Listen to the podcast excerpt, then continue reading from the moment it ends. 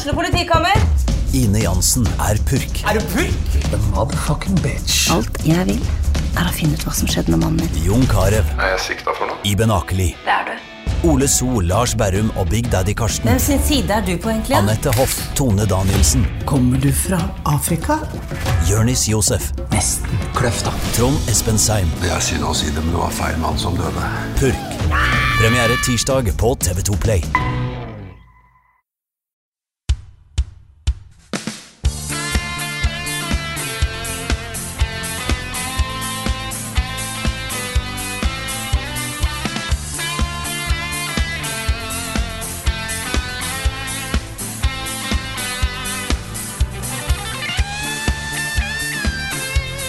Halla, baby, heter du PlayStation 5, for du kommer jo aldri. Å, stakkars Carl. Stakk, og nå syns jeg skikkelig skikkelig synd på deg. Altså. Ja, det, nå har jeg venta lenge, altså. Det, vil si, altså. det er jo ikke synd på meg, fordi alle venter på PlayStation 5. Ja, det gjør men, det. men når vi ser på liksom alle de andre redaksjonene som har fått sin PlayStation 5, Level Up har ikke fått, da syns jeg litt synd på meg for det. Jeg syns litt Ja, synd på oss. Vi har på en måte fått litt allikevel, da. Vi kommer jo tilbake til masse PlayStation 5 og sånt uh, straks. Ja.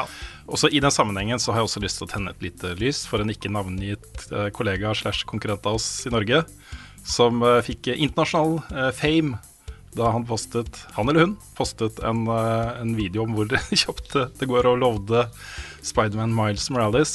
Etter rykte da så har ikke han en PlayStation 5 lenger. Så kanskje du kan få den, Karl? Ja, kanskje det. Sony doesn't mess around, altså. Nei, det gjør ikke det. Det var vel en permaband-greie, var det ikke det snakk om? Ja, det, alt dette her er bare rykter, da. Oh, okay. liksom, men ja. uh, ja.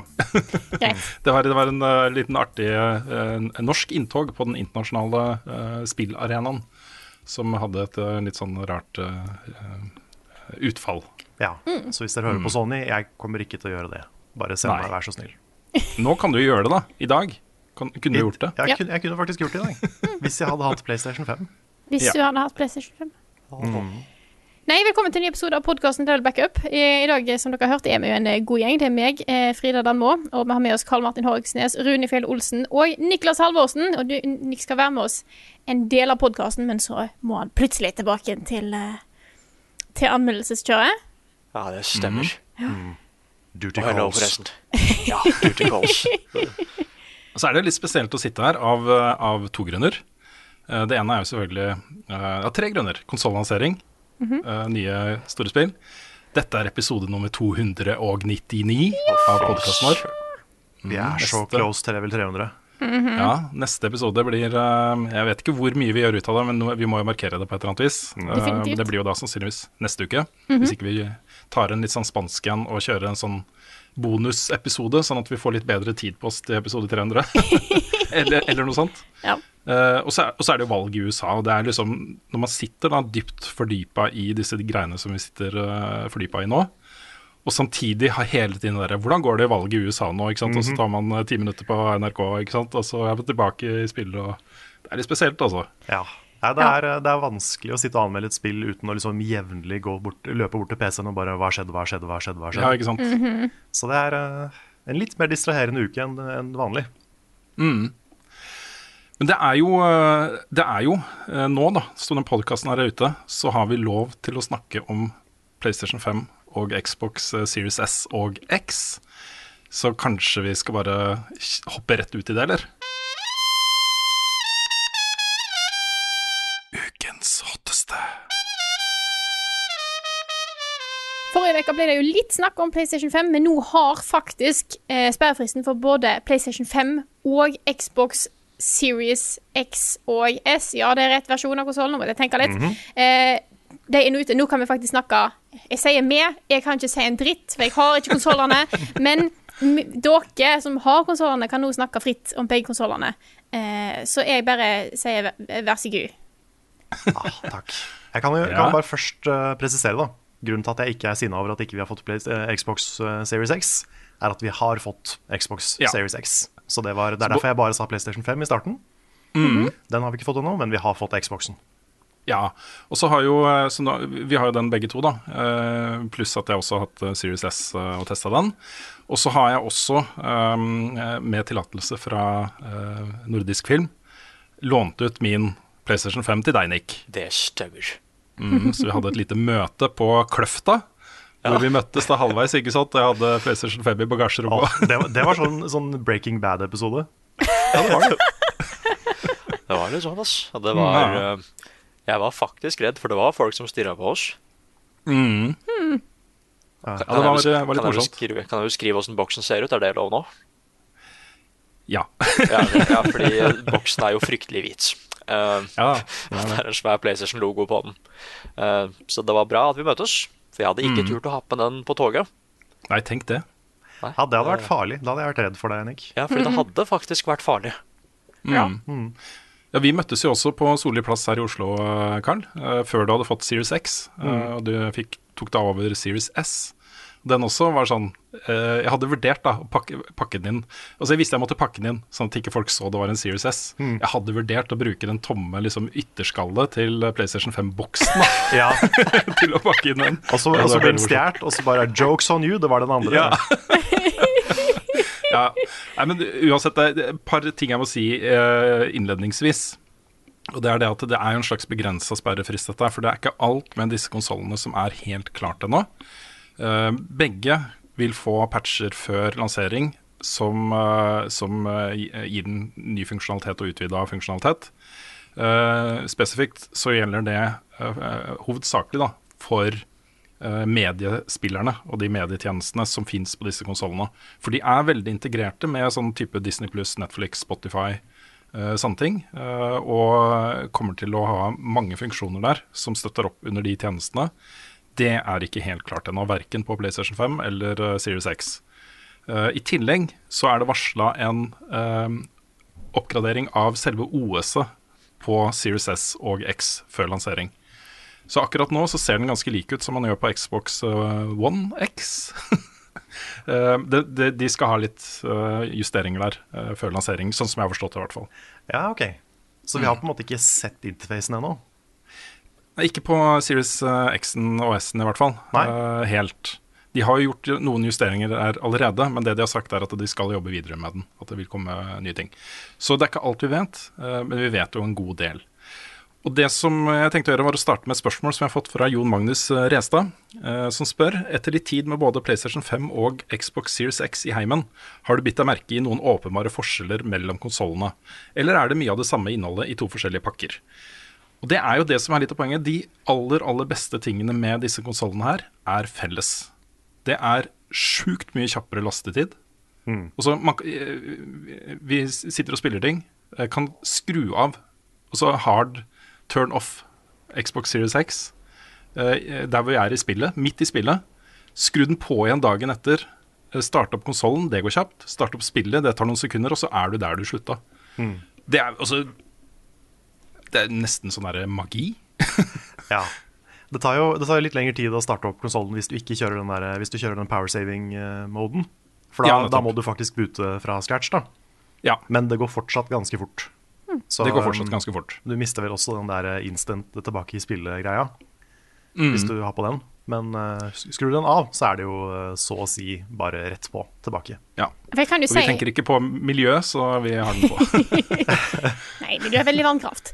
Nei, uh, hva, jo, jeg har jo følt jeg har blitt avhengig av den der eh, featuren som er på Switchen, om at jeg måtte bare kan Jeg er i spillet, og så bare setter jeg da jeg skrur av konsollen, og så kan jeg starte opp det samme spillet når som helst. Jeg er blitt så avhengig av det at jeg har prøvd å gjøre det på PlayStation, men da mister jeg saven min. Så det er på en måte har vært en dårlig idé så langt.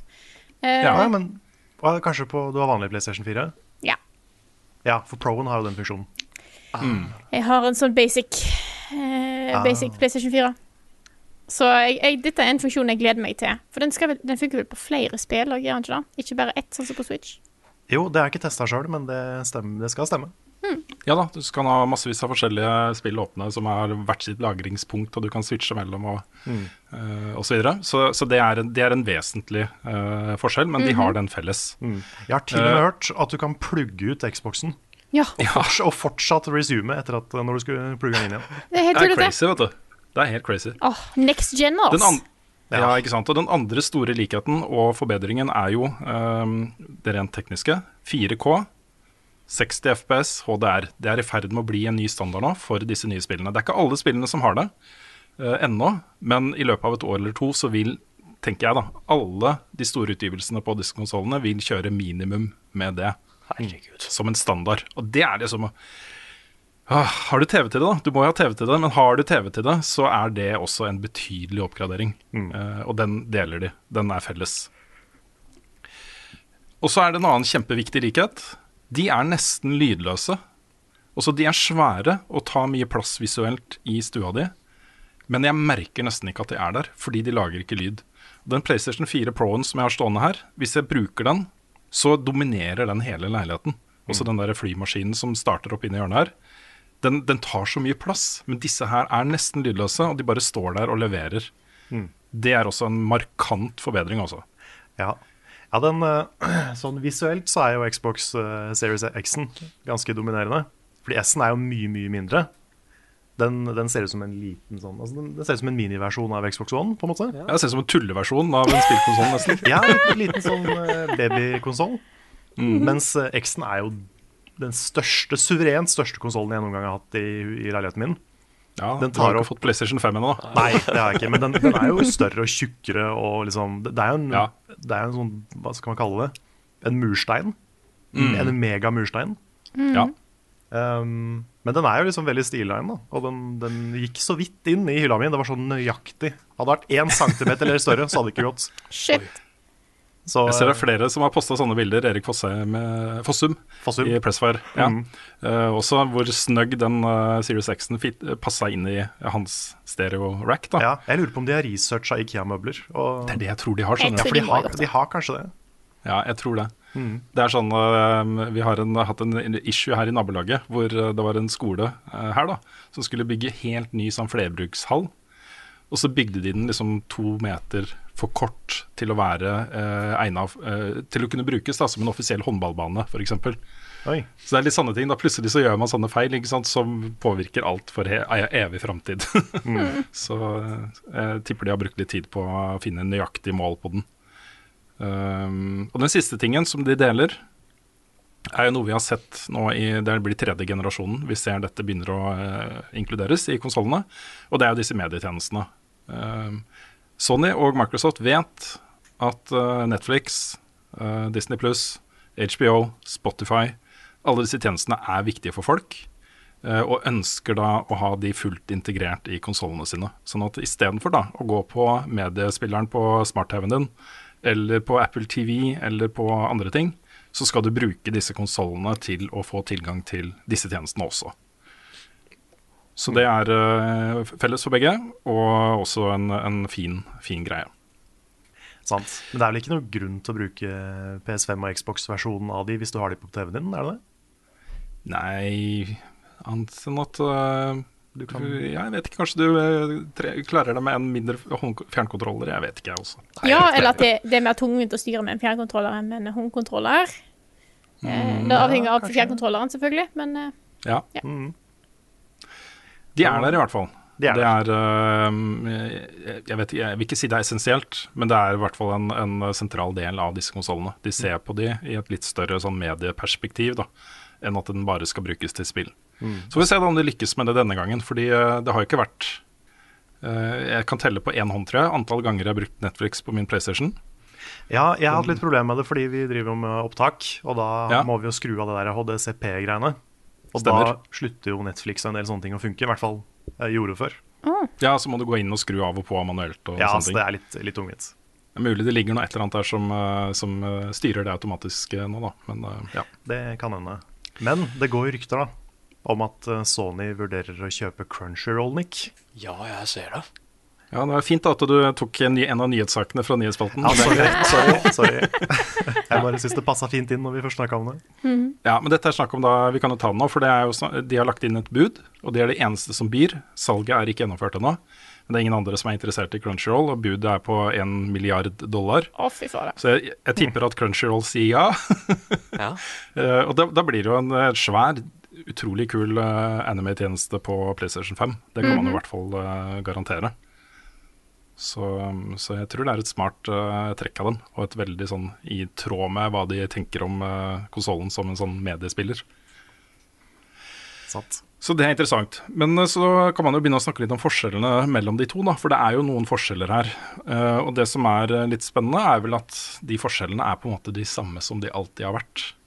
Eh, måten disse to først og fremst skiller seg fra hverandre på, er spillbiblioteket. Hva får du av eksklusive spill til konsollen?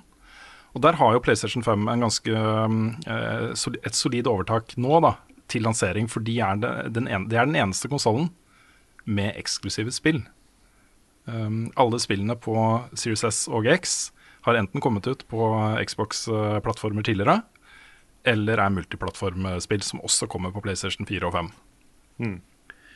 Så øh, jeg vet det er mange som er veldig glad i Xbox der ute og syns vi er øh, litt sånn over, overveiende opptatt av å snakke om PlayStation, men det er en helt reell ting altså. til lansering. På sikt betyr det ingen verdens ting.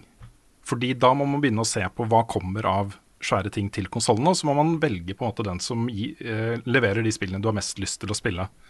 Og da blir jo situasjonen en helt annen, for da snakker vi om liksom på PlayStation, God of War, nytt Last of, The Last of Us, eh, Ratchet and Clank, Horizon, Gran Turismo, også alle disse seriene som, eh, som PlayStation er kjent for. Eh, mens på Xbox så er jo fremtiden spen mer spennende enn noen gang. Eh, de har sine egne ting. Eh, Fable 4, eh, Halo Infinite, Forza-serien. Men de har jo også kjøpt Betesta. Eh, Kanskje blir et nytt Elder Scrolls eksklusivt på, på Xboxen. Starfield, Fallout, Doom, alle disse tingene. Pluss da alle de andre studiene, studiene de har kjøpt, sånn som Hellblade 2 f.eks. Får nok uh, eksklusivitet på Xbox. Og PC. Og, og PC, selvfølgelig. Alt uh, Xbox er også på PC. Ja. um, begge disse konsollene leverer også et utrolig, utrolig bra bibliotek av spill som er spillbare og gratise. Gratise? Gratis. Gratis. Gratis, ja. Ja, fra lansering. Eh, det kommer en ny tjeneste på PlayStation 5 som heter PlayStation Plus Collection. Og det er jo store PlayStation 4-spill. God of War, The Last of Us Remastered, eh, Ratchet and Clank um, Bloodborne. Bloodborne, Uh, uh, The Last Guardian, uh, God of War, sa jeg kanskje, Days Gone, Uncharted 4, Resident Evil 7, eh, Until Dawn. Masse, masse andre greier. Mm. En del sånne Det er en, det er en bra samling. En ordentlig bra samling. Ja, Hvis du hopper over PlayStation 4 og Ja. kommer inn på PlayStation 5 Det er det. For hvis du har PlayStation 4, så har du mest sannsynlig spilt en del av de fra før. Ja, Men, eh, men hvis du hopper inn da som ny nå, så har du, da har du mye bra å spille. Altså. Men det, igjen, det er ikke sikkert du har spilt alle, sant? Eh, Nei, sant? Og, men det kan jo godt være en har PlayStation Plus, og så eh, plutselig nå har en mulighet til å spille de spillene en ikke har spilt. Eh, mm. Det er jo helt eh, insane. Ja det, det, er en, det er en veldig god pakke. Det, men den er ikke like bra som den er på Xbox, sånn Nei. eh, totalt sett. Ja, ja. For der har du GamePass. Mm. Og GamePass er jo i ferd med å bli uh, et Spotify for eh, spill. Det er helt crazy hvor mye som er der, og hvor mye bra som er der. Mm. Det er jo et stort, stort stort hull da, at den ikke har Nintendo-spill eller Sony-spill. For det, ja, det skal, skal nok litt til før de blir inkludert der, for å si det sånn. Ja, det, er, det kan nesten sammenlignes med å bare abonnere på en skikkelig skikkelig stappfull Steam-konto. Hvor du bare har tilgang til en shitload med spill. ja. Og det meste da kommer også dag én. Og det er jo noe som PlayStation aldri har gjort med sine PlayStation Now og sånn. At, at splitter nye spill bare kommer på den tjenesten. Så det Ja, er en kjempe, alle- kjempeting. Ja, Det de garanterer der, er jo at alle eh, deres egne spill, alle Microsoft-spill, alle spill som Microsoft utgir, vil være på GamePass fra dag én. Eh, og det inkluderer jo da uh, Bethesda-spillene, eh, Halo, eh, Forza, Fable, alle de tingene som kommer. Det begynner å bli flere og flere Eh. spill som, eh, som er Xbox-spill. Det er helt sant. Eh, og så er den også ganske utvida nå. Nå har de jo innført noe som heter Xbox GamePass Ultimate, hvor de da uh, blander inn også eh, Xbox Live, altså abonnementsbeløpet da, for å spille eh, med andre over nett på Xbox, og Xcloud, som er streamingtjenesten eh, for spill. Som nå funker på Android, og som de jobber med som workaround for å få den til å funke på IOS også. Og, på tablets og på PC og på TV-en din og på alt mulig rart. Det, spekuleres jo i om Microsoft også kommer med sånn dongle etter hvert, ikke sant. En streaming-dongle lignende Google Chromecast, som du bare kobler til en håndkontroller, og så kan du streame alle disse spillene uten å ha en konsoll. Og det koster deg 125 kroner i måneden. eh, Xbox GamePass Ultimate. Det er mer enn Netflix og, og Amazon Prime og Disney Pluss. Men det er allikevel, med alle de gode spillene som er tilgjengelige der, og de greiene du får i den tjenesten, det er røverkjøp, altså. Det er eh, så mye valuta for pengene der. Ja, Og så er jo spill dyrere enn film også, så det er jo sånn sett forståelig at det koster litt mer. Mm. Men uh, en ting om uh, X-en versus S-en. Mm. Fordi vi har jo testa begge to nå, Rune. Ja. Og jeg kjørte et par av de samme spilla uh, på begge. Mm. Og jeg merker faktisk at det er en god del forskjell, altså. Jeg- Det er, det er vanskelig å si noe bastant om det, og noe, liksom noe objektivt sant om disse to konsollene. For det Ja. første så er, eh, så er ikke alle disse titlene optimalisert helt ennå. Nei, for det er masse, det er masse patcher og sånn som kommer etter hvert, ja. Så det er Ja. viktige ting å presisere. Men jeg tror det er et signal om en forskjell mellom de to som vi kommer til å se ganske ofte Ja. uh, i årene framover. Ja, jeg, er litt, jeg, jeg blir litt redd nå når jeg, når jeg spiller resten, uh, for at det kan være en issue. At en god del nye spill kommer til å være mer choppy og kjøre dårligere på, på S-en. Mm.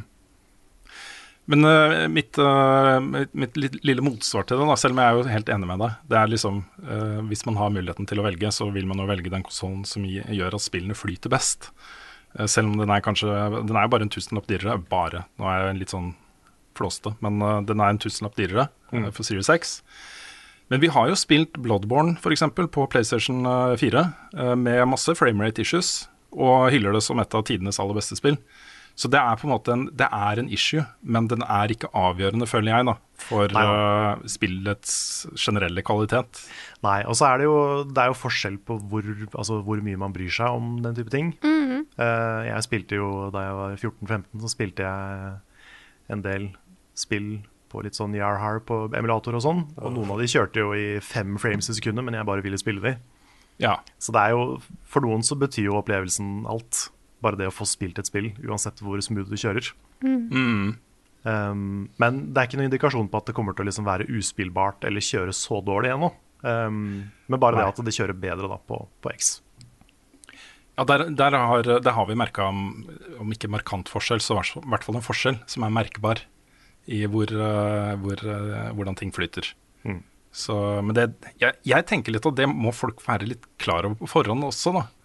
Også Når du stiller de ved siden av hverandre, du kan jo se bare på eh, Den ene er hvit, og den andre er svart. Den ene er bitte liten, den andre er svær og muskuløs. Du, den oser jo mye mer power, den Series X-en, enn Series S-en. Once you go black, you never go back, et eller annet sånt. Frida! Og så har da de to konsollene har jo da, jeg går videre, eh, de har to andre ting som er unike for, for dem. Det ene er jo håndkontrolleren til PlayStation 5, det kan vi snakke mer om straks. Eh, og det andre på Xbox-siden er eh, All Access-programmet. Hvor du istedenfor å gå ut med en bunke med penger, knuse sparegrisen din og betale masse penger, så av, kjøper du konsollen og GamePass Ultimate på avbetaling. Betaler da en sum i måneden i to år, og så eier du konsollen. og det er, føler jeg, da, en uh, veldig fin inngangsbillett for folk som syns det er litt mye Ja. å punge ut med 5000-6000 kroner for en ny konsoll uh, på, på én gang, liksom. Det er, det er helt sant. Jeg har jobba i elektrobutikk, og jeg husker hvor mange mennesker det er som har behov for sånne avbetalingsordninger, bare for å få holdt på å si, vanlig elektronikk i huset. Så det, det er et bra tilbud, altså. Ja. Selv om det sikkert er ganske mye dyrere over tid, så er det i hvert fall en, en option. Og så er også øh, den nye Xbox-håndkontrolleren er øh, veldig god å holde i og bruke. Den har fått noen sånne rugla greier på undersiden som gjør at den bare sitter mye bedre i hånda, eh, men er ellers ganske lik den du hadde på eh, One X. Men så har du da PlayStation-kontrolleren. og Jeg mener det er et, eh, et eh, Hva skal man si en, eh, en fordel den konsollen har, som ikke er ubetydelig. Og du har jo testa den mye nå, Nick. Det stemmer. Hva, hva syns du om Dual Sense? Eh, jeg eh, Jeg holdt på å si Jeg merka ikke noe om det før jeg skrudde den av. Eh, Fordi det, det, det er så sømløst. Og så er det mer det der at det er De andre kontrollene har jo De har jo vibrert en del, de òg, men ikke på den måten her. Og ja, Nei. igjen, så fort jeg skrudde det av, da merka jeg liksom at shit, jeg, jeg må faktisk ha på det her. Mm. Um, ja, fordi nå kan jeg snakke helt, helt åpen om det, eller er det Ja, nå kan du snakke helt åpen om det. ja, eh, Til og med i Miles Morales òg? Eh, ja. Ok. Så lenge ikke det er story spoilers, så okay. kan du det. Uh, nei, fordi et, et godt eksempel da, det er jo at uh, i, uh, i Astro Playground så registrerer den hvor karakteren går hen. Hva karakteren går på. Hvor fort han går. Hvis du går i vann, så merker du det i forskjellen på vibrasjonen. Eksempel, hvis du går i sand, så merker du en annen forskjell. Går du på metall og sånne ting. Men i Miles Morales så, så merker du alle vibrasjonene som skjer på drakta til Spiderman. Så hvis du f.eks. beveger deg veldig veldig fort, eller blir slått, eller slår noen tilbake, eller et eller annet sånt, så kan du liksom Ja, du merker faktisk forskjellen på det. På kontrollen. Ja, Det er som om du eh, eh, sitter på ryggen til Miles Morales og holder hendene rundt brystet hans. Ja. Og føler liksom Ja, dette er sånn som du har drømt om i alle år. Ja, altså, ja, så det er jo en Spiderman-fans uh, dream come true, ikke sant? Ja, ja, ja. Eh, Nei, men Og så var det sånn der eh, Jeg har spilt eh, starten en del ganger bare for å se for forskjellen på performance mode og alt dette her og denne eh, kontrollen. Og så er det liksom det at det, ja, hvis, hvis karakteren blir slått, for eksempel, og han treffer en vegg på venstre siden av skjermen, så kjenner du ristinga på venstre siden av kontrollen. mm. Eh, Men det kuleste er vel at det er også disse her eh, disse, disse nye triggera, hva er det de heter? Eh, Adaptive eh, triggere. ja, fordi de er jo det, det er så vanskelig å forklare, men den merker liksom hvor hardt du holder spindelvevet til Miles. Mm. Liksom. Eh, hvis du holder det litt mer løst, så, han mye, så kan han slippe seg mye raskere. Men hvis du holder han enda hardere, så holder han seg lengre før han liksom kan slippe det. da Mm. Eh, Samme er når du bruker forskjellige gadgets og sånn nå, da. At de, de føles annerledes utover hva du bruker. Så det er en sånn der rar funksjon. Jeg tenker at her har det vært noen som har brukt utrolig mye tid på en sånn bitte liten ting. Men, men nå har det ganske mye å si også, altså. Ja, altså, jeg jeg eh, tenker at de er veldig inspirert av Switch her. Og særlig dual eh, Hva heter det? eh, De der eh, joycons. Ja. Eh, og med liksom vibrasjonsmulighetene og, og gyroen og alle disse tingene her. Eh, men det er noe annet å ha den som en håndkontroller du kjenner fra før, i begge hender, med de knappene der de pleier å være og, og sånne ting. Så gir den den samme opplevelsen. Eh, og er utrolig pris på eh, presis Fader, også. utrolig presis på, eh, på gyroen, også på bevegelsessensoren.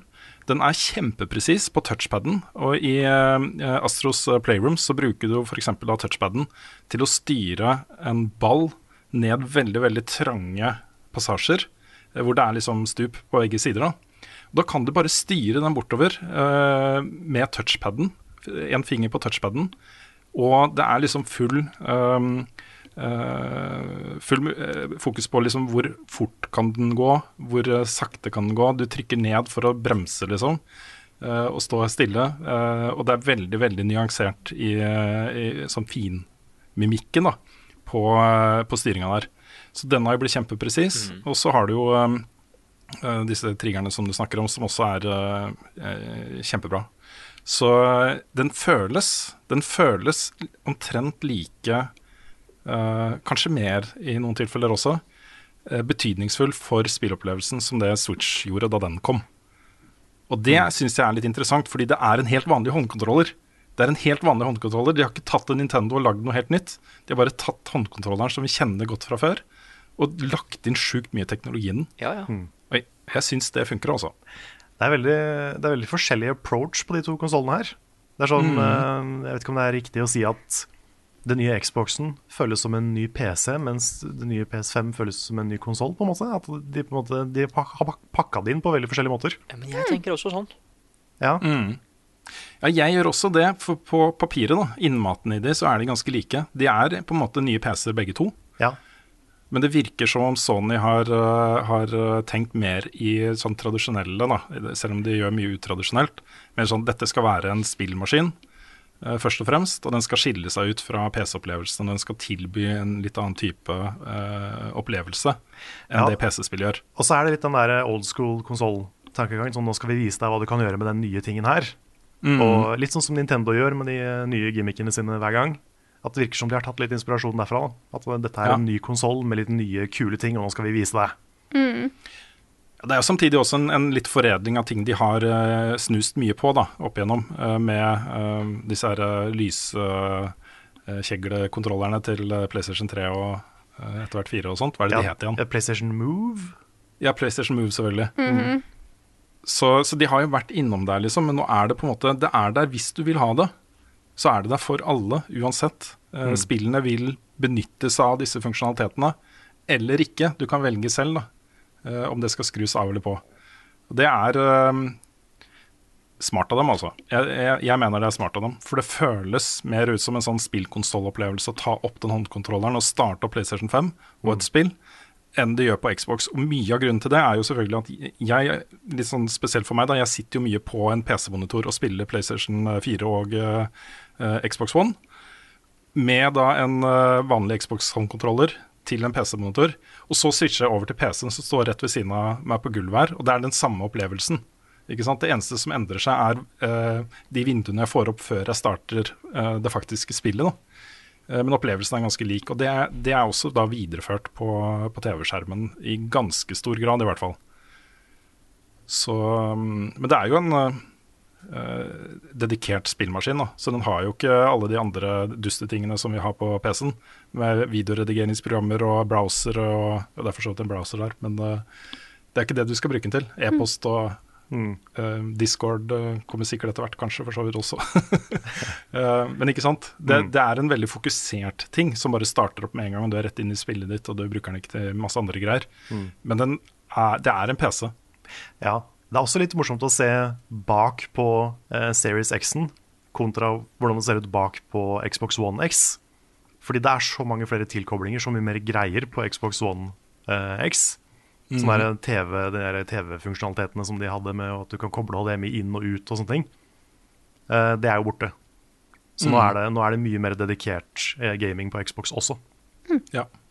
Er det da noen forskjell eh, på, på måte, tilkoblingsmulighetene på Xbox Series X og S, eller er de like sånn output-messig? Nå spør du godt, så jeg Ja. tror de er like. Jeg er litt usikker Ja. på akkurat det, men jeg mener og jeg, jeg tør ikke å si det.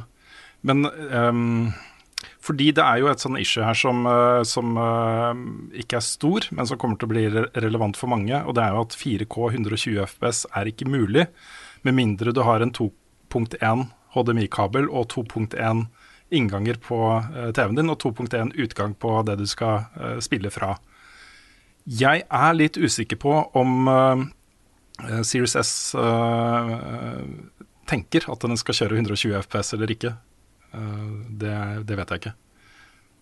Men jeg tror nok vi vil se flere 120 FPS-spill på uh, Series X. Mm. Jeg så også i dag så hadde Digital Foundry en test av, uh, av Gears 5 på Series X. Og der kjører det jo faktisk da 120 FPS som et mål da, i multiplayer. Oi, oi.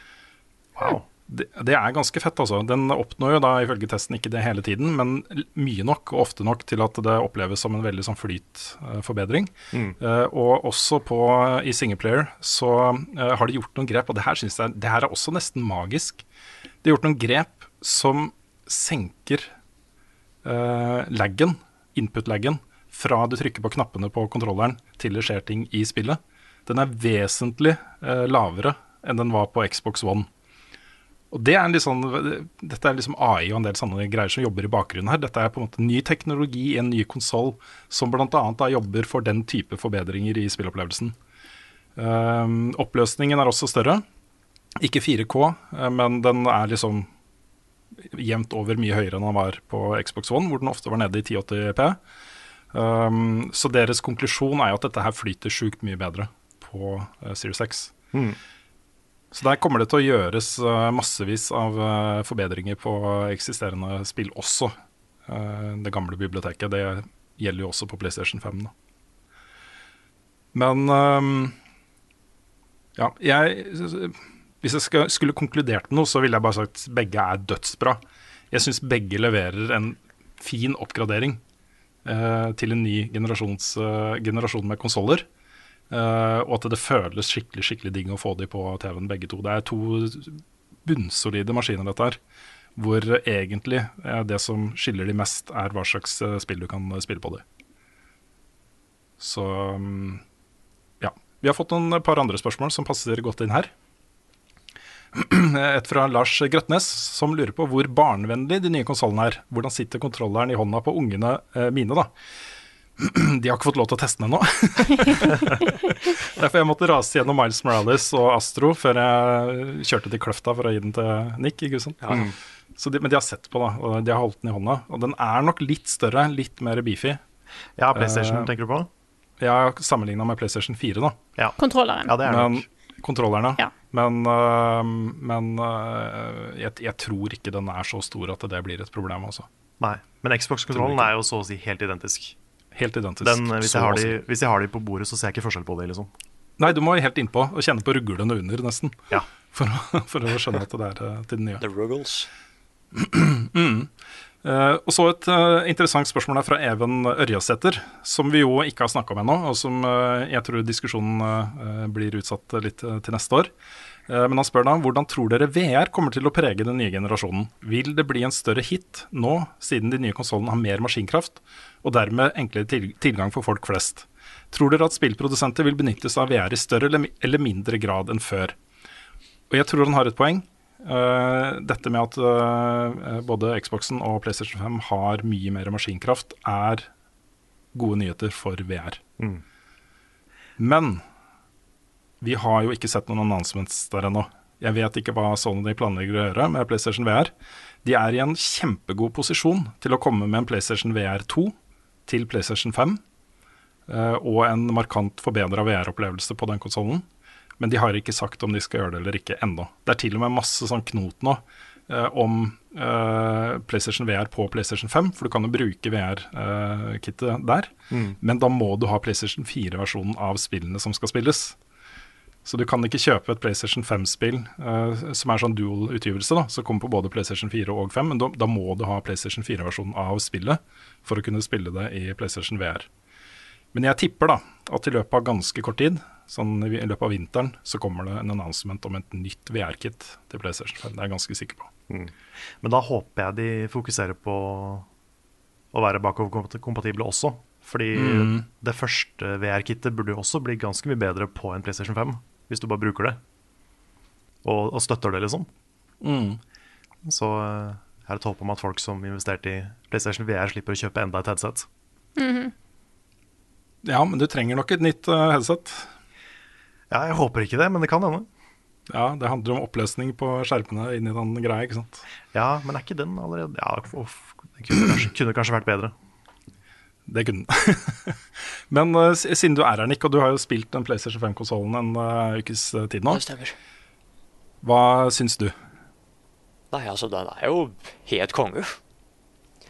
Og det er litt, eh, det er litt flaut òg, fordi det er eh, Jeg skal jo lage en sånn liten video av dette Astro eh, Playground. Og jeg høres jo ut som en huleboer mens jeg spiller da. For det er sånn Åh, åh, oh, Åh, åh, se på Oi, oi, oi. Eh, ja, og, så, og så er det Det var en så fryktelig stor forskjell òg, for jeg har jo ikke Pro-maskinen, så jeg har jo ikke spilt i 4K før. Wow. Så jeg bare, fy faen, jeg kan, jeg kan se alle porene, da. Um, jeg kan liksom se, jeg kan se lyset som blir reflektert i støvet når noen slåss rundt et støvete område. Jeg kan se snøen smelte på ting og tang. Det er helt sjukt. Ja, det er ganske ekstremt. Det er en uh, solid oppgradering, altså. Vi har også et uh, siste spørsmål yep. som jeg tenkte er, er verdt å nevne, fra Silacoid. Som spør da tror dere Godfall er verdt 849 kroner. Uh, det har jeg ikke lyst til å spekulere i. Men det er jo den nye standardprisen på disse nye Triple A-spillene til konsollen. 850 kroner. Da snakker vi standard, standard edition av spill. Også Demon's Souls koster 849 på PlayStation eh, Store. da. Um, Ble litt overraska over at det var så høyt. Herregud. det er veldig høyt. Jeg hadde gjetta liksom sånn 749-799. Det går fra 699 men- til 799, ja. Det hadde jeg jo tenkt. Mm. Men det er også 850 kroner. Jeg tipper at en del av de tredjepartsspillene fra sånn Activision Blizzard, Blizzard, Blizzard. Activision Blizzard og EA og sånt kommer til å koste 899 også, til og med. Uh, Ubisoft. Eh, og så kommer jo alle disse her Gold Edition og Special Edition og Ultimate Edition og sånn på toppen av det igjen. Så vi snakker sånn opp mot 1500 kroner kanskje da, for en versjon av et spill, ikke sant. Jeg, jeg, jeg, jeg skjønner jo at, uh, at prisen skrus opp. Den har jo ligget uh, flat uh, mye lenger enn inflasjonen skulle tilsi. Uh, men det er et uh, ganske saftig hopp, altså. Jeg Mm. tror nok det betyr at folk kommer til å kjøpe færre spill, og at flere kommer til å velge sånne tjenester som GamePass Ja. etter hvert. Før så har vi jo eh, gjort et poeng ut av at ja, men i gamle dager så kosta Nintendo 64-spill masse masse penger, men nå er det jo faktisk oppi der igjen. Ja. Men inflasjon, det, da. Ja. Det er sant. Mm, ja, nei, for prisen gikk jo ned, og lå liksom fast da på 599 i generasjon etter generasjon. Var- det var liksom standardprisen for nyutgivelser. Um, så um, uh, ja. Men 849 også. Det, det, folk må bare forberede seg på at det kommer til å ligge der. Ja, det, spill blir en dyrere hobby.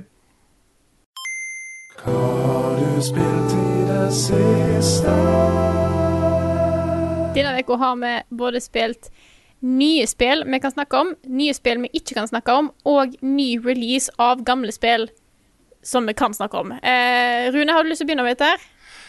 Ja, jeg har det. Eh, Jeg må nesten også begynne med um, Assassin's Creed Valhalla. fordi hvis du ser den podkasten her på YouTube, så har, har du jo skjønt da, at det er i hvert fall noen i redaksjonen som spiller Assassin's Creed Valhalla om dagen. Vi kunne vise starten av den i, i, eh, nå på fredag.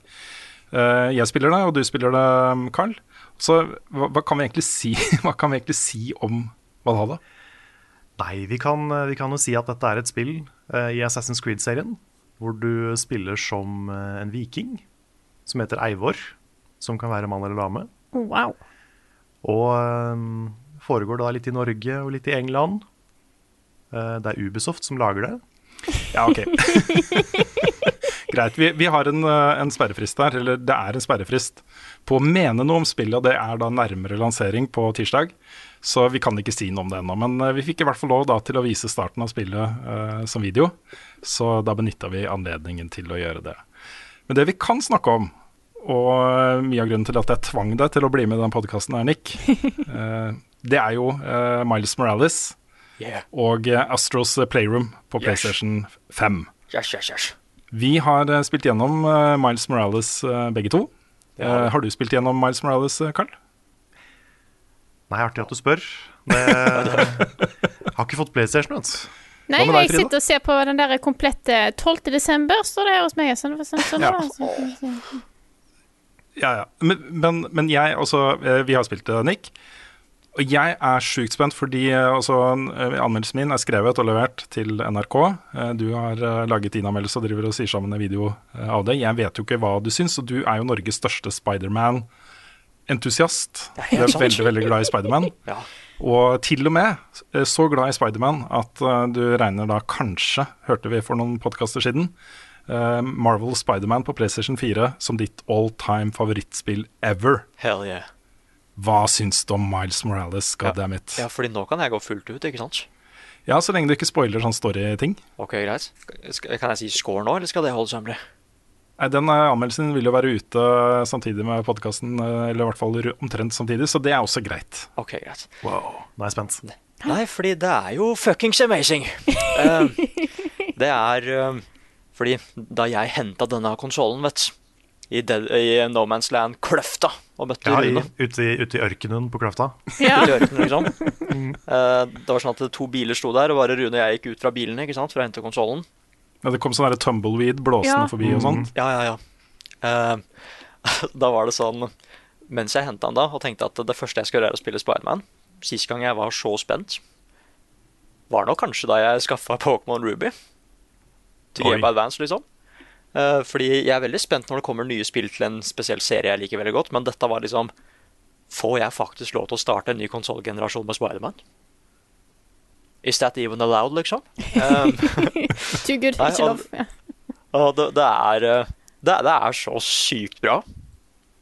Det Jeg, jeg Også en sånn ting at vi, det er veldig mye av historien vi ikke får lov til å snakke om. Men så går det liksom helt fint, for bare det, jeg har ikke lyst til å spoile det selv, vet. Så det går helt greit. Og så er det helt på starten av så får man liksom ordentlig se at du spiller på en ganske kraftigere, en kraftigere maskin, altså, enn det forrige spillet. For det er så mye particle effects og ting og tang som flyr rundt omkring. Sollyset er så realistisk, og jeg kan liksom se Det er refleksjoner og sånn overalt.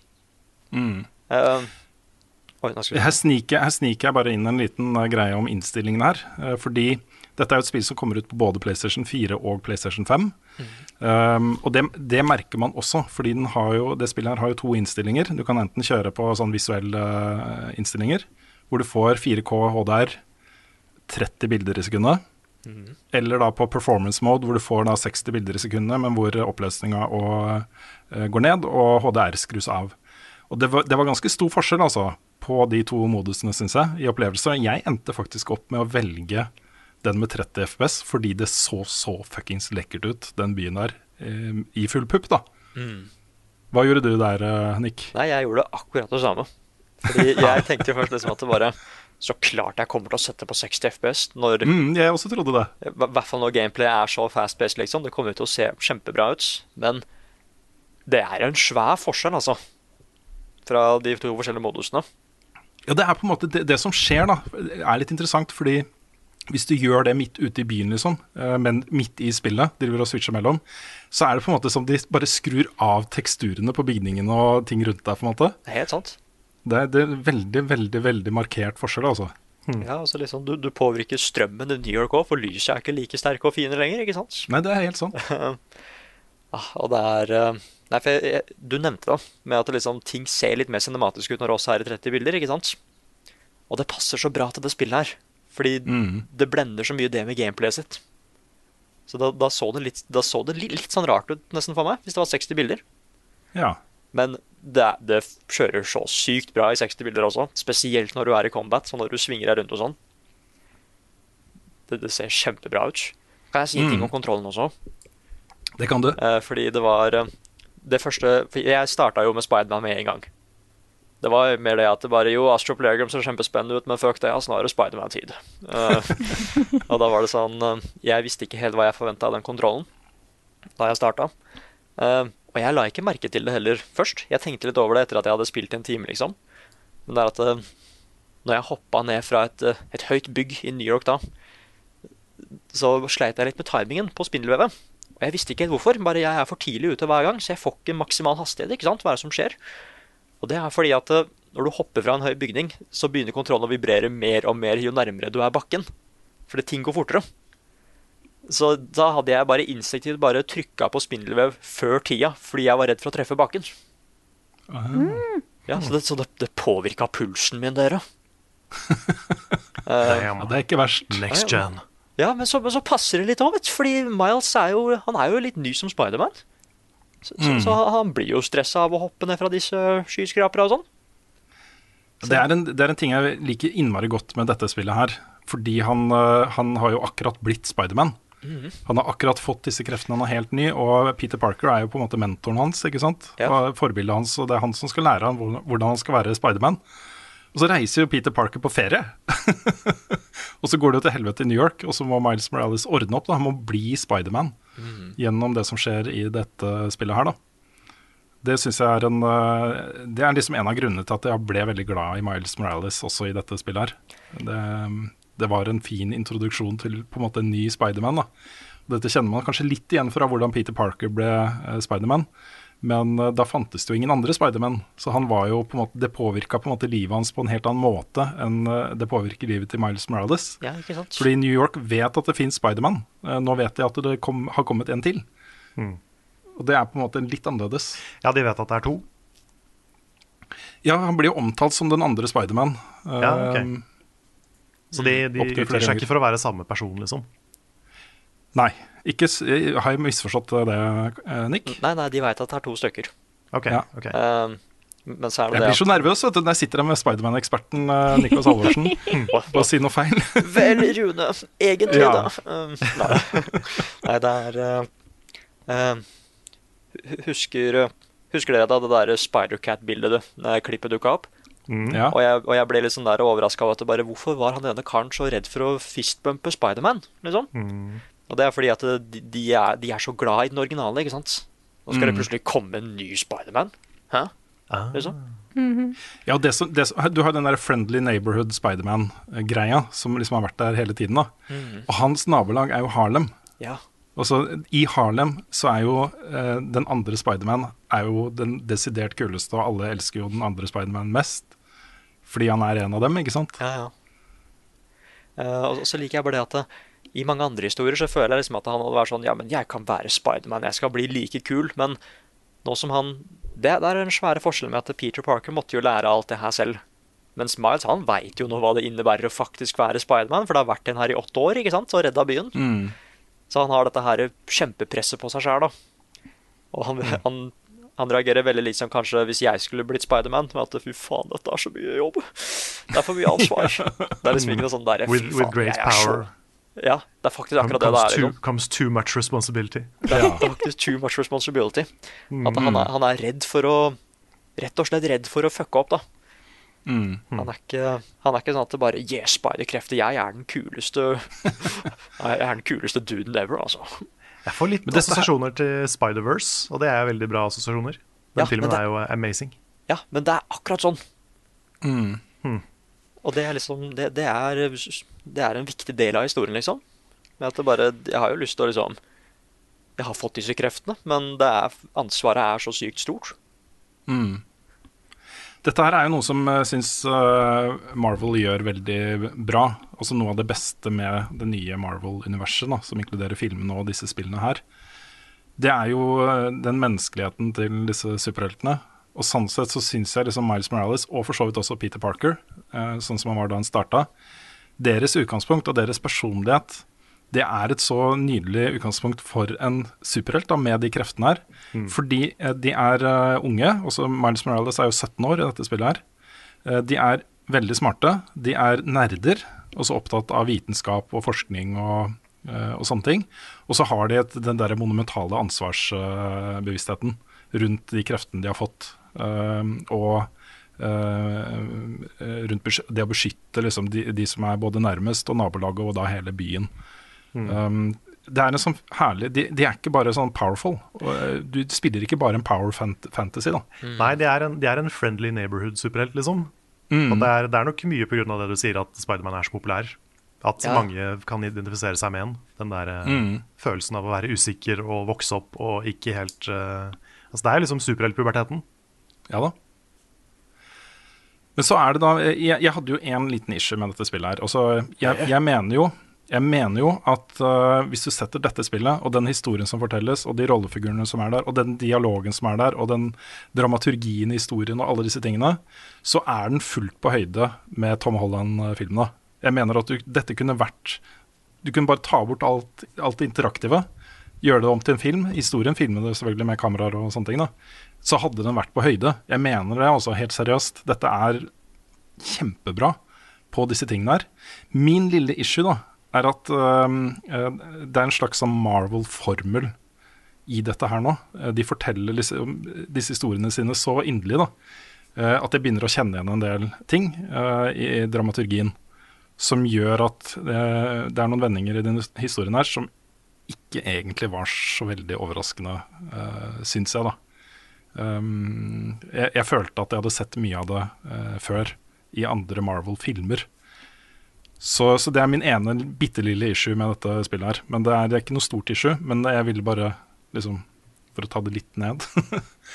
um, jeg mistenker at du har mindre issues med akkurat den biten, Nick. Du tar jo helt feil. Så, Nei da. Eh, fordi det jeg er så glad i Nå må jeg spoile det første Spiderman-spillet med en liten ting her. Men det er jo, der er jo Dr. Octopus med, liksom. Uh, Men det som er så kult, er at de har jo lagd sitt helt eget univers, liksom. I, i Spiderman. Dette her er liksom ikke basert på en film eller en uh, historie fra tegneserien. sånn. Dette er en egen, egen greie, da. Og jeg liker at de leker så mye med det. Med at uh, Jeg ser du har lest tegneserien, hæ? Du tror du vet hva som kommer til å skje, hæ? Uh, og derfor så er det Jeg, jeg holdt på å si det, det var jo noen ting som overraska òg, men jeg, jeg syns det her er mye bedre enn de i Marvel Cinematic Universe. Mest fordi at det, det, er litt tenk, tenker du at det er nærmere liksom sånn fanservice og det å behandle fansen på alvor? da? Ta de på alvor? Ja, så er det med det at eh, Problemet med disse, disse her eh, cinematic-filmene nå er fordi at de må jo alltid være en del av noe større, ikke sant? Mm. Det er derfor jeg også ble så glad i Miles Morales, fordi det er en så veldig fokusert historie på det som skjer i Harlem. liksom. Eh, du kunne teknisk sett Du hadde blitt spoila på et par ting, men du kunne hoppa her først, liksom. Uten, uten å liksom vite alt av det som skjedde i det første spillet. Det er liksom såpass standalone, da. Uh, du, du får jo så klart mye mer hvis du spiller det første. Uh, du kan også trykke på en sånn der eh, 'Previously on Spiderman' for å få en sånn liten recap. Ja, det er jo mest, det er jo mest hvordan Miles Morales ble bitt av en edderkopp og møtte Peter Parker. Ja, ikke sant? Eh, men så er det mer det at jeg, jeg liker de der Tom Holland-filmene, men jeg syns ikke de er de beste Spiderman-filmene. Mm. Uh, mest, mest fordi at de fokuserer litt mer på superheltdelen av det å være Spiderman. Det er derfor jeg er så glad i de Ramy-filmene først. Der hvor det faktisk Det suger skikkelig å være Spiderman, altså. Ja. Ja. Men, men, men, men den velger fortsatt å være det. Mm. Og det er, liksom, det er hele historien til Miles Morales. liksom. Han veit på starten at herregud, dette her er, dette er vanskelig. Mm. Men jeg, jeg syns slutten på det første Spiderman-spillet, eh, altså det forrige, til Insomniac, Ja. Var noe av det beste jeg har sett av Spiderman noen gang. ja. Sånn, jeg er- syns historien fram til da var sånn litt opp og ned, kanskje. Men liksom hele den historien med Dr. Octopus da, og alt det andre som skjer mot slutten, den, det syns jeg var dritbra. ja, jeg er helt Spesielt enig. slutten. Slutten uten å si hva, det, hva som skjer, så er den, den er kjempesterk. Og, Så kommer det også en enhanced edition av det første spillet til lansering. Det har vi ikke fått testa ennå. Det er ikke klart for, eh, for oss som har fått eh, tidlig tilgang heller. Så men det kommer jo også. Og da eh, kjøper du en Hands edition, så følger jo også Miles Morales eh, med, da. Men den kan også kjøpes separat, etter det jeg har forstått. Um, jeg, jeg tenker Vi trenger ikke å liksom dra den for langt ut, men jeg har også bare lyst til å nevne, nevne at folk kan kanskje tro da at dette er det samme spillet, men med en ny Spiderman. Men Miles Morales har jo en del andre krefter som ikke Peter Parker har. da. Mm. sånne oransje elektrisitet-greier som brukes aktivt da i, eh, i combat og i puzzles. Og det mener jeg er på en måte nok da, til at eh, det føles som en ny og frisk opplevelse uh, allikevel. Selv om du har spilt av originalen på PlayStation 4 for to år siden. ja, og så er det at han er, siden han fortsatt er ny, så sliter han med liksom Han, han har litt problemer med webspinginga si, men han har, han har det samtidig mer morsomt, da, for han er ikke vant til det helt ennå. Ja. Eh, Så så han liksom Han driver og flinger arma i lufta og klarer ikke å stabilisere seg og sånne ting. Eh, Så animasjonene på den karakteren, liksom, når han drar rundt i byen, det er det, det er så smooth, og det flyter så bra med gameplayet sitt. Det det. ikke. Det er kult at de har på en måte for, brukt litt historiefortelling i hvordan han eh, beveger seg. Ja, og så er Det det er brukt ganske mye historiefortelling i draktene generelt. For de eh, tar du på deg en ny drakt fra et eller annet sånn kjent eh, et eller annet fra Spiderman-universet, så får du, får du også ny funksjonalitet. Den gir deg ny funksjonalitet. Det er uh, veldig stilig. Ja, så- Så det er jo kjent da på forhånd at uh, du um, Det har Sony selv sagt, så det tenker jeg det må vi få lov til å spoile. Uh, men du får jo da eh, muligheten til å skaffe deg Into the Spider-Verse-drakta. Hvor animasjonene på hele figuren blir sånn, sånn som den er i animasjonsfilmen. Nei, så kult. Ja, det er awesome, altså. Ja, er liksom, de manipulerer frameraten på drakta, liksom. Ja, På drakta, på selve figuren. Jeg trodde det var noe feil med spillet i starten. før jeg skjønte at dette er, nei, faktisk skal være sånn. Det er jo insane. Det er jo kjempekult. Kan ikke jeg få PlayStation snart, da? Ja, så kan jeg jo si at uh, Spider-Pus fins. Spider-Push. Spiderpus uh, fins. Spider-Pus. Der uh, hadde jeg et lite problem, for jeg har noen så kule shots av Spiderpus. Men så var det noen regler da, som gjorde at eh, det var vanskelig å bruke de i anmeldelsen. din. Så, What? Kan vi ikke bruke det? eh, jo da, eh, vi kan snakke om det etterpå. Ok, greit. Akkurat hva i reglene der. Uh, ja. Det er sånn ti timer med Um, Spider-Pus. Jeg syns vi må bare avsløre hva vi har gitt dette her i score, Nick. Jeg tror vi kan forutse litt uh, jeg, jeg kan gjette din, og så kan du gjette min. Ok, greit. Mm, jeg tror du har gitt det ti av ti. Ok, og jeg tror du har gitt det Nei, men Skal jeg si om det ikke, eller skal jeg si hva du har? Jeg sier Ja, først hva meg Rune har. først, ok. eh, Jeg tror jeg gir ternekast fem. Du har helt rett. Ja. Jeg vil, jeg- den ligger sånn midt mellom åtte av 10 og 9 av ti og ni av, av ti, hvis jeg skulle gitt sånn én til ti-skala. ja. Jeg kan si at jeg har ikke gitt det ti av ti, Ah, ok. men jeg har gitt det en fryktelig sterk ni av ti. Ja. Uh, skal jeg si kjapt hvorfor, eller skal jeg bare Hvis de vil vite kan hvorfor, godt- så kan de se anmeldelsen din. ja, det, vi kan kanskje si det sånn. bare kunne sagt det, men ja. ja, ja. men det er fortsatt the breaks. Ja, men det er fortsatt så bra, altså. Det er sjukt spesielt, dette her. Altså. Den konsollen lanseres jo ikke før 19.11. her i Norge, og det har vært sperrefrist på anmeldelse allerede nå, eh, den 6.11. Og det er jo selvfølgelig fordi Microsoft vil uh, komme ut med masse positive greier før Xboxen lanseres, ikke sant. Sony Så det er vil et komme Sony, med positive ting. Ja, ja, ja, at Sony vil komme ut før, før Microsoft. Ja. Så det er uh, både positivt og negativt. Jeg følte at det var vanskelig å misse den sperrefristen når den først var der, siden det er en ny konsoll og sånne ting. Men egentlig så ville jeg helst ha venta til det var litt nærmere lansering. Da. Det må være kjipt for folk som både ikke får en PlayStation-konsoll før i, til neste år en gang, mm -hmm. og som i tillegg, da, de som får, de får den ikke før 19.11., og så sitte her og få liksom 9 av 10 terningkast 5 det, det kommer til å få gode scores overalt, det kan jeg nesten garantere. Eh, og så er det liksom Det er så langt unna. så det er litt spesielt. Eh, jeg tenker vi egentlig bare trenger å si sånn kjapt, være kjapt innom eh, Astros Playroom, for vi snakka litt om det forrige uke. Men en ting som, eh, som jeg ikke snakka så mye om, det er jo eh, dette her med at hele, hele spillet er et slags sånn interaktivt museum, eller en feiring, da, av PlayStation-historikken. Og der er det jo så mange sjukt kule eh, scener hvor forskjellige roboter da spiller inn korte, korte sekvenser fra kjente PlayStation-spill. Uh, hvordan syns du, det spille, uh, syns du det var å spille gjennom dette, Nick? Det er fordi det er også sånn der Jeg tror det blir en veldig veldig morsom video. Uh, fordi det jeg har gjort, er at jeg har både filma spillet, men også tatt facecam. Fordi jeg, jeg må vise litt på åssen hva som skjer med kontrollen når du spiller, da. Ja, kult. Men, men det er en sånn derre Det her er en så smart idé, altså. I hvert fall Mm. når liksom konsollen har nye funksjoner og sånn. Um, og det funker kjempebra som mer enn en tech-demo. Um, Mm. og så er det egentlig bare det at eh, Miles Morales gjør veldig mye med f.eks. den kontrollen. Men Astro Playground, de bare De går helt fullt ut. Playroom. Ja, det gjør det. Jeg sa helt feil, det er Playroom. Der det jeg bare sier si Astro, vet du, for jeg misforstår den hele tida. Mm. Men du, du veit det er next gen når Nick tar fram facecam. Å, shit, ass. Da, da er det next gen. Ja, Altså. det har jeg bare gjort Ja. én gang før, altså. Så da da er det alvor. Ja. Eh, nei, altså er det bare Det er så koselig. Det er så skikkelig, skikkelig koselig. Fordi alt, alt er, det er en feiring av PlayStation, som du sier. Mm. Med, med å teste nye mechanics og sånn. Jeg, litt, jeg har sett litt video fra det.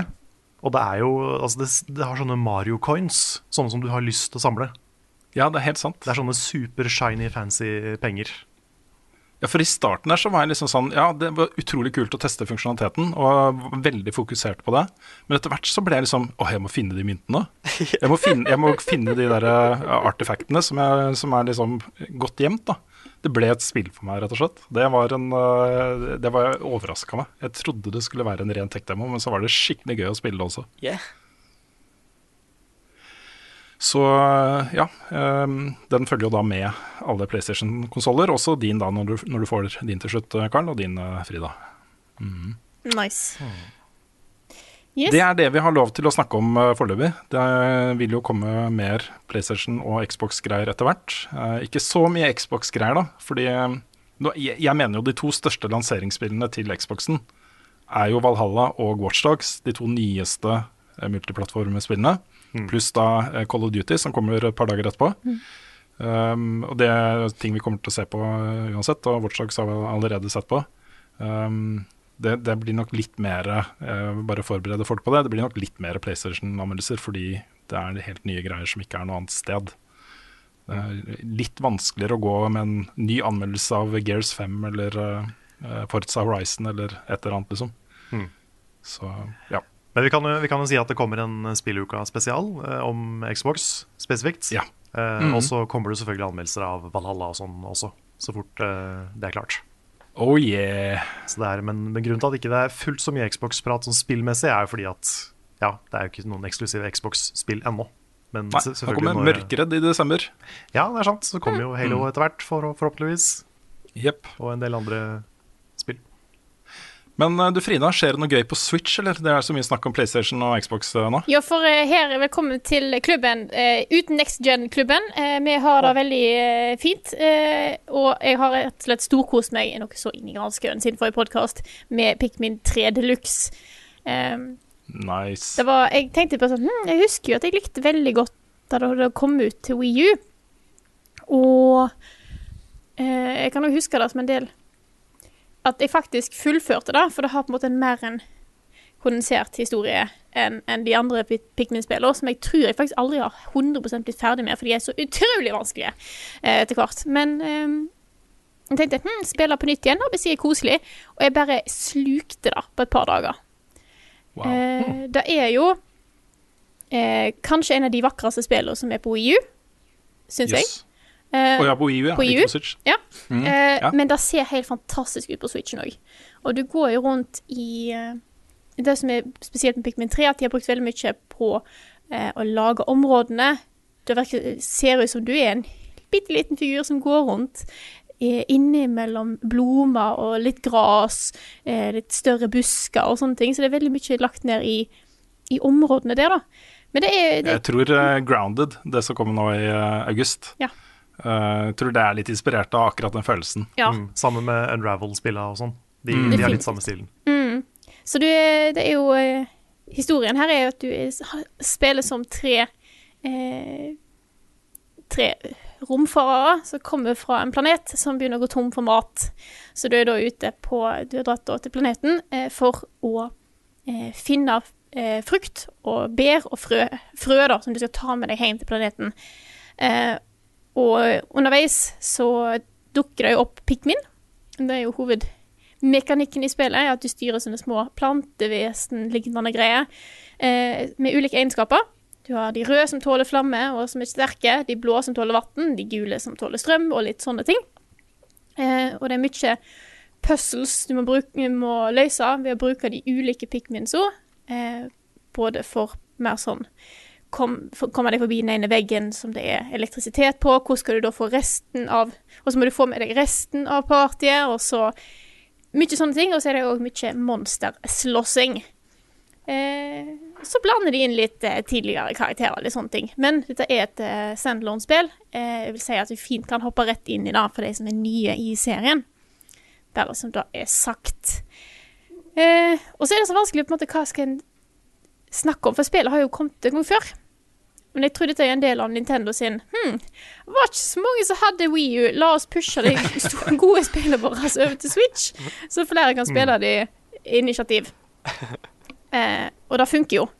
Eh, for spillet er amazing, og de har jo òg lagt til noe mer, da. Nå har du det som kalles side stories, som, der du spiller som kaptein Olimar fra de forrige spillene. Han som er med i Smash. Eh, og det er mer eh, tidsbegrensa oppgave.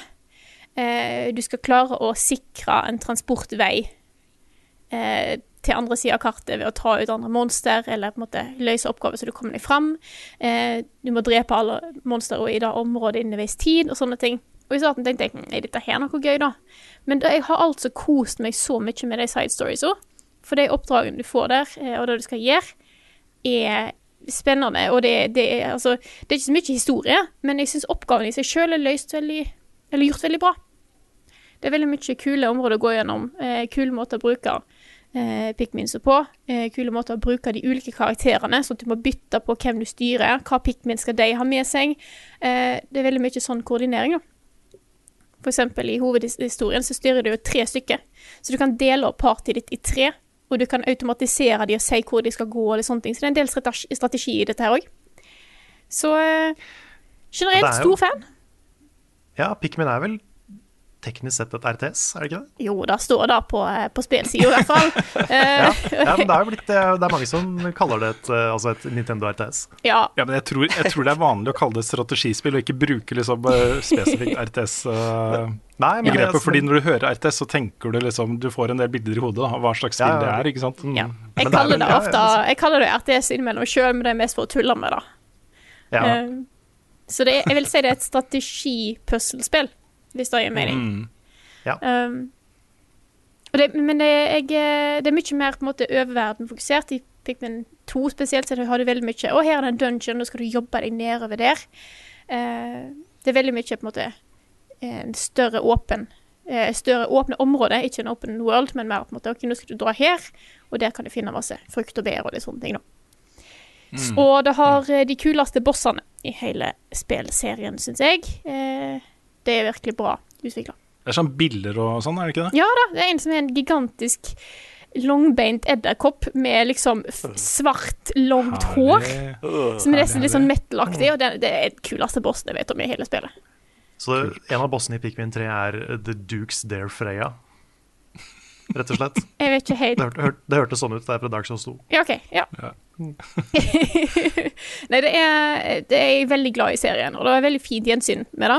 Jeg er ikke helt sikker på hva jeg kommer til å gjøre eh, med det. Jeg har lyst til å prøve å få til en anmeldelse, men det er litt, eh, ting er litt travelt nå. Men jeg skal se hva, hva det blir til. Men det er i hvert fall en Mm. ekstremt stor anbefaling fra meg til dere som har en Switch. Hvis du ikke har prøvd Pikmin-serien, så er dette et fantastisk punkt å gå inn, eh, gå inn i. Eh, spillet, hoved, eh, hovedhistorien er ikke kjempelang. Eh, jeg tror det er sånn 10-12-13 timer. Eh, hvis jeg husker rett. Jeg ble litt usikker. Men eh, side story-biten, den nye som er i deluxe-versjonen, eh, inneholder veldig, veldig mye innhold. Eh, så det har jeg spilt òg i mange, mange timer. Og jeg vet ikke hvor lang den er. Jeg har ikke fullført den ennå.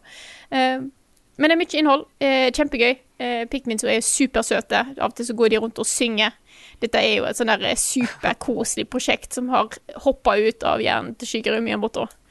Eh, disse Pikmin-vesenene. Så Ja, Bakgrunnshistorien her, bare for, for nye lyttere, alt jeg må si, folk som ikke har hørt den før, er jo eh, veldig typisk for eh, Miyamoto. Fordi Pikmin ble jo født eh, da han dro hjem fra jobb. Og så eh, han, Hver dag da, så gikk han gjennom den lille hagen sin når han kom hjem fra jobb, og så kikket han på hagen sin, og så tenkte han hva om det bodde noen folk inne i den hagen her, og holdt på med ting, liksom. Og der ble liksom Pikmin skapt, da. Det er, eh, det er så herlig å høre han fortelle om liksom hvor han fikk ideen fra, måten inspirasjonen kom til han på og sånne ting. da. Det er veldig sånn rent, sånn purt. Ja, jeg tror noen bare må sende Miyamoto på sånn jordomseiling. Bare ta han med på sånne kule ting, så han får masse gode ideer, så kan han lage spill. Åh, kan de ikke bare sende til Mars og ut i verdensrommet og sånt? da? Jeg får sende en mail liksom, 'Please go to space, Miyamoto'.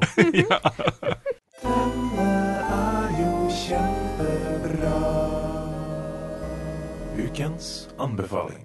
Og da har Nick gått for å klippe enda mer, eh, så tastatur, tastene fyker, holdt jeg på å si, eh, på Spiderman Miles Morales-anmeldelsen hans. Men vi skal ha anbefaling. Carl, Jeg har anbefaling, du har det? og ukens anbefaling er hverdagsanbefaling eh, sandwich med pepperkakesmak. Nei da, det er, det er ikke det som er anbefalingen. Den er ganske god, den er ikke like god som vanlig sandwich.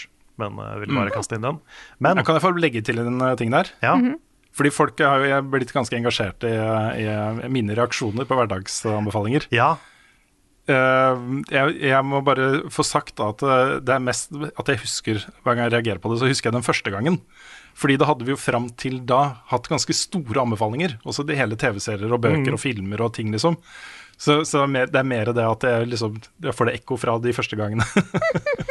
så jeg er, ikke, jeg er ikke oppriktig sur på deg for at du kommer med hverdagsanbefalinger. Det er nei, nei, det er altså Bare så folk vet det. Og i det siste så har jeg gjort det bare for å terge Rune også. Ja, ikke sant. Men, eh, men, eh, nei da, men det er ekte anbefalinger. Ja. Det er, selv, om, selv om de er eh, holdt på å si litt, litt basic, litt enk enkle. Men jeg har en litt mer uh, forseggjort anbefaling uh, denne uka her. Fordi uh, kjæresten min og jeg har endelig uh, krypet til korset og skaffa oss Disney pluss. Litt også fordi den appen er på de nye TV-ene våre, Rune. Det ser så fuckings lekkert ut med Mandalorian via Disney Pluss på de nye TV-ene våre. Det gjør det. Jeg har ikke sett Oh sesong my to. Jeg har, ikke, jeg har ikke begynt på sesong to ennå. Nei, ikke jeg heller. Jeg har begynt på nytt igjen med ungene. Ja, ok. Ja, fordi vi, vi så etter et eller annet å se på. Og det er jo litt sånn med verden nå at ting er litt eh, mørkt og dystert og skummelt, og vi er litt stressa og, og sånn. Så vi hadde lyst til å finne noe koselig. Noe bare vi kunne, slappe av med, eh, som ikke krevde så mye. Som vi bare kunne bare lene oss ned i sofaen og bare se på. Og da fant vi den nye Ducktales. Ah, Og vi har jo hørt mye bra om den. At den liksom For, for jeg vokste jo opp med gamle Ducktales og Mhm. elska det. Det var liksom Det, det var sånne små Indiana Jones Det var jo liksom Indiana Jones bare med Donald-figurer, liksom. Mm. Sånne små eventyr eh, episodisk. Og nye Ducktales er jo mye av det samme, men det er jo David Tennant som onkel Skrue. Oi. Og eh, det er jo en, en veldig sånn reimagining av hele greia. Det er en reboot av Ducktales. Det starter jo på nytt eh, med en ny eh, da opphavshistorie for eh, hvordan, eh, hvordan Ole Dole Doffen havnet på eventyr med onkel Skrue og sånn. Og det som er kult med den serien her, det er at den bygger seg opp litt sånn som Marvel-filmene bygger seg opp. At den, at den bruker Altså, den har cliffhangers og en sammenhengende historie som, som det liksom slipper sånne små smuler av da, gjennom episodene. Og det er fuckings law, liksom. wow! Og Det her må jeg se, kjenner jeg. Ja, vet du hva, det er så kult. Og, og så eh, behandler det på en måte de figurene som man husker da, fra gamle Ducktales og gamle da, Donald og, og Andeby-ting. Det behandler de litt som sånne frampek. Sånn, jeg skal ikke spoile noe, men slutten av episode to, det var sånn Oh shit. We're, we're going there, liksom. Og det var, det var veldig liksom. Ja, og DuckTales. Og det er så kult, da. At, at de, liksom, de har faktisk klart å lage en ganske spennende uh, sammenhengende historie her. Som eh, jeg gleder meg til å se hvor går, da. Du må gjerne komme med flere Disney Pluss-anbefalinger, også, fordi jeg skaffa meg det bare pga. Mandalorian. Ja. Når jeg driver og bladd i eh, biblioteket der, så er det sånn OK, ja, det er mye bra, men jeg har jo sett Star Wars, og jeg har sett uh, alle Marvel-filmene, og jeg har sett det, alle animasjonsfilmene til både Pixar og Disney. Og det er liksom, Jeg har sett alt, da. Mm. Uh, mye av det kommer jeg til å få lyst til å se igjen, men det, jeg trenger flere grunner til å forsvare de 69 kronene i måneden, liksom. Så det, bare for å ta et sånt tulleeksempel, da, men litt sånn for å illustrere hva jeg mener, så eh, bare for ikke å spoile noe, så si si at liksom OK, de bygger opp Guffen. Dette er ikke, dette er ikke en faktisk ting, Mhm. men kanskje i episode tre så hører du de snakker om Guffen. Så ja, de- Guffen har ikke vært med nå. Og så kommer det mer info om OK, han Guffen han han har vært her, liksom. Og så får du mer og mer forventninger. Og så episode åtte, da er Guffen der, og han er badass, og han er dritkul. Det er litt sånn Okay. med Herlig. mange av de karakterene som man husker fra gamle DuckTales. da. Ja, ja. Og med sånne hooks, da. Det er, det er dritkult. Jeg bare elsker hvordan de har fortalt den historien her. Wow, dette må Så- jeg eh, sjekke ut. Så det er sånn at man, man sitter og liksom gleder seg til å se de nye versjonene av figurer man husker fra før. ikke sant? Jeg har et håp nå om at Darkwing Duck skal dukke opp, Å, shit, ja. og sånne type ting. da. Og, og Gizmo Duck. Så jeg sitter nå liksom og gleder meg til de, litt sånn som jeg gleder meg til nye superhelter i Marvel-filmer og sånn. Mm. Så eh, det er ganske gøy, altså. Og det er veldig mye uh, Altså, det er jo en, det er en barneserie, men det er også en veldig Den frir veldig til fansen av det gamle, da, eller de som vokste opp med det gamle. Og mye litt sånne um, subtile voksenvitser og sånn type ting inni der. Så den har liksom et sånn glimt i øyet, og, et, um, og den, den frir litt da, til de som uh, husker det gamle. Så det, den er kjempebra. Her kommer nyheter med Rune Fjell-Olsen, og han har ikke hår. Elden Ring lever, dere. Det lever. Det lever. Det eksisterer. Det er fortsatt under utvikling. Og Det er liksom, det er funny å se, da, fordi From Software hadde jo en, en twittermelding eh, nå i uka som gikk, hvor de eh, egentlig bare snakka om eh, patchen, eller også oppdateringen til eh, Sekro, men hvor de la på en sånn følgetweet hvor det bare står eh, We also greatly appreciate all the enthusiasm and support shown for Elden Ring, our next dark fantasy action RPG. We hope you look forward to it. Fansen bare Det finnes! Det eksisterer! Det er ikke kansellert. Jeg, jeg tror dette her er litt sånn som da Bethesda annonserte Elder Scrolls 6. Uh, Ja. Bare sånn Guys, hold kjeft, det kommer. jeg, jeg tror det er det de har tenkt. Fordi Hvis ikke så hadde det bare vært spørsmål om Elden Ring gjennom hele den eh, tweet-tråden. ikke sant? Ja, det har jo gått rykter og spekulasjoner gjennom hele sommeren på at det spillet faktisk er kansellert. Kansellert? Så- Ja, ja, ja. Eller eh, ja, faktisk til og med det. Folk som har spekulert om det er kansellert, om de har bestemt seg for å ikke lage det allikevel. Så jeg ble, jeg ble sjukt happy for å se dette her. Ja, nei, for jeg har aldri, sånn. aldri tenkt at det har blitt kansellert, men jeg har jo vært redd for at det at det har kommet en betydelig utsettelse. Ja, for grunnen til at folk har tenkt det, det er jo bare, bare basert på at nå er det sjukt lenge siden vi har sett noe fra Elden Ring. De har annonset det, de har vist den første teaser-traileren, og så ingenting, liksom. Ikke Mm. et pip om noen ting. Eh, og det er uvanlig da, i spillsammenheng. Så men det kommer altså. Eh, jeg, det er ingenting jeg gleder meg mer til enn det spillet. Nei, det er same. Mm. Det, er, det, er, det er slemt å spekulere, men eh, er det George R. Martin som bruker litt tid på å skrive? Er det Hadde ikke overraska meg i det hele tatt. Nei. Jeg hadde ikke overraska noen, tror jeg. Uh, All right. Demon Souls uh, får Det her syns jeg er litt spennende. Dette er jo en ny funksjonalitet da, i PlayStation 5. 180 offisielle hjelpevideoer som dukker opp in game hvis du ønsker det. Mm. Så dette er jo en, De kaller det official game help. Eh, Her kan også brukerne selv gå inn og legge inn sine egne klipp. Ja, for det Eh, er, med da det er 180 offisielle videoer. 180, 180 offisielle hjelpevideoer fra da Bluepoint eh, på hvordan man skal løse de vanskeligste utfordringene i dette spillet her. Så de har laga sin uh, egen strategy guide. De har laga sin egen strategy guide, rett og slett. Jeg vet ikke om det går på å finne gjenstander eller noe sånt, eller om det bare er eh, teknikker på boss, eller jeg, jeg vet ikke. Men uh, dette er et signal da, om en, eh, en uh, utvikling som uh, jeg er stor fan av. Du har sett mm. liksom, flere og flere eh, hjelpemidler til folk med funksjonsnedsettelser og sånne ting på konsoll. og jeg ønsker jo at flest mulig skal få muligheten til å nyte spill som er vanskelig også.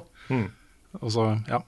Så det her er herlig. Det har ikke vanskelighetsgrader. Det har ikke noen sånne type hjelpemidler. Det, gjør, det har ikke noe god mode eller noen, noen sånne ting. Men det har i hvert fall disse hjelpevideoene. Mm. Så um, Og det er jo veldig veldig valgfritt å se de og slå de på og sånne ting, det er helt sikkert. Eh, Så det, Mm. blir, det blir jo litt som bare en mer tilgjengelig YouTube hvis man sliter. ja. Og så er det også da bekrefta at Ratchet Ratchet Clank og Rift Apart blir PlayStation 5 eksklusivt. Det um, tror jeg det var mange som ble glad for. At man ikke tar hensyn til at det er noe som heter PlayStation 4, når de tenker grafikk og oppløsning og framerate og sånne ting. Så sorry til alle som ikke har tenkt å skaffe seg PlayStation 5, men jeg ble happy. Sony kjøper Crunchyroll har vi jo vært innom. 1 milliard dollar. Masse anime på PlayStation 5. Er det bekrefta, eller har de lyst til å kjøpe det? Nei da. Eh, Budet er ikke akseptert ennå, men det er lagt inn et bud, og det er ingen andre som har bidd. Riktig. Så de er i forhandlinger nå om detaljene i den avtalen. Så jepp. Eh, og da i morgen, på lørdag, klokka åtte norsk tid, så er det et eh, panel eh, hvor deltakerne heter Jennifer Hale, Mark Mair, Steve Bloom, Kimberly Brooks, Raphael Sbarge, Courtney Taylor, Alex Wilton Regan, William Salyers og DC Douglas. Pluss et par utviklere. Og hvilket spill snakker vi om da? Det er jo Mass Effect. det er Mass Effect-skuespillerne! Ja, ja, fordi jeg ble usikker nå på om, du, om det var et upcoming spill som du nå uh, hypa opp. Nei, for, nei, for, jeg, for det første jeg tenkte når du sa Jennifer Hale, var jo Femshep. Jepp. Hun er femshep, og Mark Mair er da maleshep. Uh, dette er da uh, det de kaller N7 Day. Mm. Um, det er jo det det står på uh, skipet deres og draktene. Um, det er jo Ja. Ja. Uh, og det er jo 7. november. det alle forventer, er jo at de skal annonse uh, en remastered trilogy pack Mm. av Mass Effect. Det har gått rykter om det veldig lenge nå. Det har gått rykter om det veldig lenge. Men det at alle skuespillerne fra hele skipet er med på dette her, eh, panelet, sammen med Bioware-utviklerne Karen Weeks og Patrick Weeks, så mm, ja. Det er Mass Effect-relatert, i hvert fall. Det gir liksom mening. Mass Effect-spillet er de kjempekjent for, og BioWare trenger en win Mm. nå. Og jeg håper de har oppdatert eneren nok til å være litt mer relevant i 2020. Ja. Nei, det blir spennende å se. Kommer vi til, det kommer vi tilbake til til neste uke, i hvert fall. Eh, Jeg nevner også kjapt at Dragon Quest 11 nå har en ti timer lang demo på PlayStation 4, Xbox One og PC. Det er en over, meaty demo. Ja. ikke sant? Og du kan også overføre den saven til eh, fullversjonen av spillet hvis du velger å kjøpe det etter den demoen. Nice. Så dette er jo et eh, spill som har fått veldig mye skritt. Eh, mange som er glad i det. Så hvis du har sittet på gjerdet og har lyst på et eh, JRPG i den stilen der, så eh, kan du finne ut av om det er noe for deg helt gratis. Um, vi må ta en liten korrigering fra forrige uke, fordi vi var jo ganske kritiske til utsettelsen av uh, Cyberpunk i 2077 og uh, Crunch i uh, CD Project Red. Der har det jo skjedd en del i uka som har gått. Først så gikk jo en av sjefene ut med noen ganske hårete uttalelser i en sånn finans, et finansmøte. Um, hvor han på en måte downplaya veldig den crunch-kulturen. Mm. Og sa at folk har det så fint her.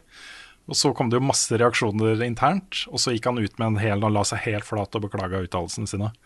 Men det de har spesifisert, da, er at spillet er egentlig ferdig. Og så versjonene da til uh, PC og PlayStation 4 og Xbox One, uh, og for så vidt også uh, de nye konsollene, fungerer helt fint sånn som det skal gjøre.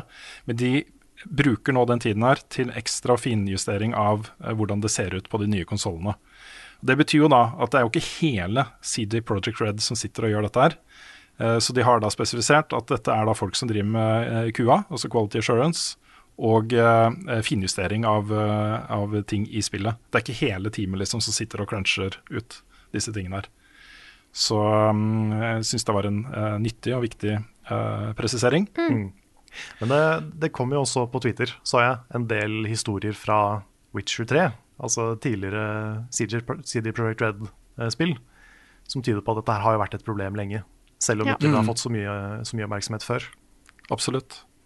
Det er en kultur, eh, et eller annet kultur, med kulturen der, hvor Mm. eh, sjefene sannsynligvis, sikkert gradvis, ikke sant, etter hvert som CD Project Red har blitt større og større, og Witcher 3 har blitt mer og mer hylla opp gjennom åra, og aksjekursen på selskapet, de er jo børsnoterte, har blitt viktigere og viktigere. Du sitter der sammen med alle disse suitsa, og så blir du liksom mer og mer fjerna fra gulvet, ikke sant.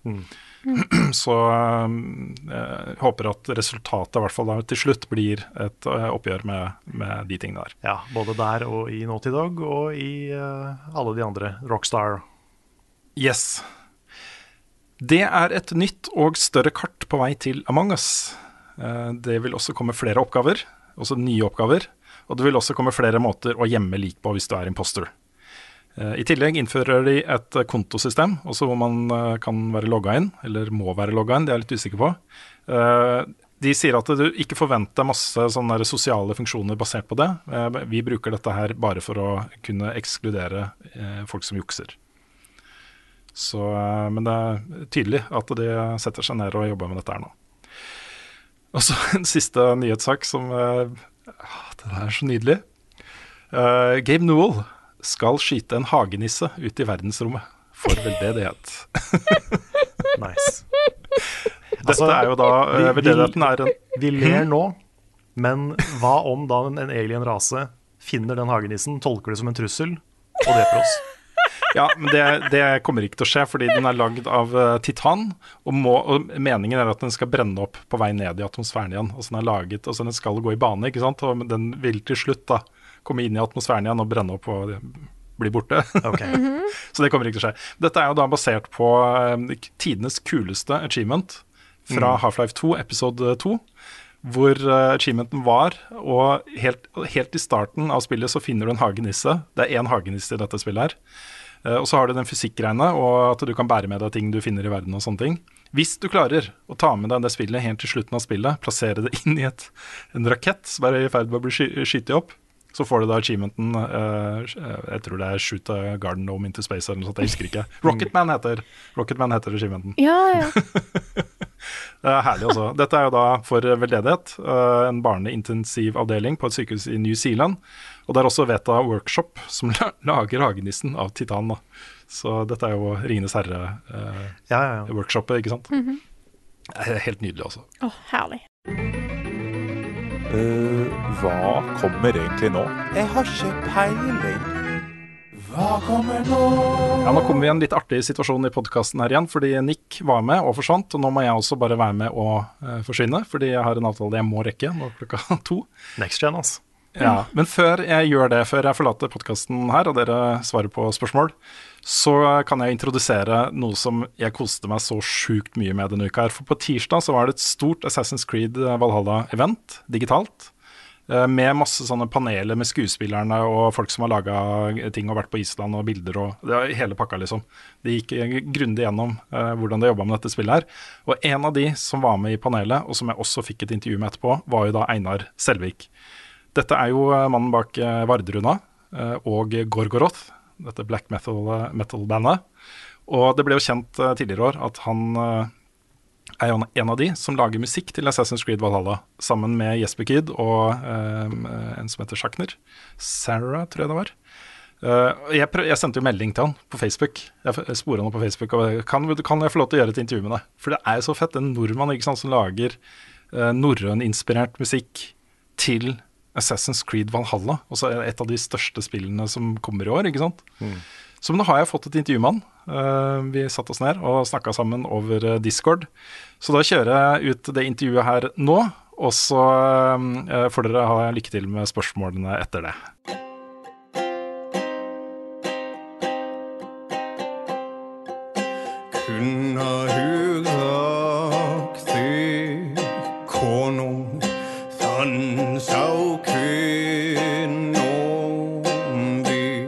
Det du hørte der, var altså Einar Selvik fremføre musikk du vil finne i Assassin's Creed Valhalla. Du synger på norrønt og spiller på en lyre, eh, og du lager nå musikk til Assassin's Creed Valhalla. Jeg syns det er kjempestas. Hva tenker du selv om det?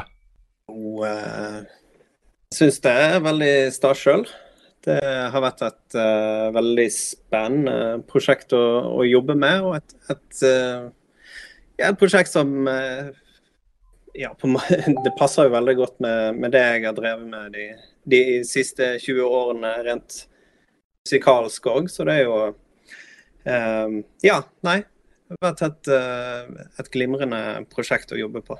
Mm. Og så er de også litt over gjennomsnittlig opptatt av uh, det norrøne og, og, sånne ting. Og nå tar jo da Assassin's Creed reisen til Norge. Hva tenker du om det? Um, uh, jo, jeg, syns jo for det første, hvis man skal se en sånn uh, populær uh, kulturistisk på det, så, så, er det jo helt klart uh, riktig tid for det. det er jo en Det herjer jo en, en slags vikingfeber rundt omkring i verden. Og, så, det, så, det lå kanskje Jeg tror tidspunktet er veldig, veldig bra.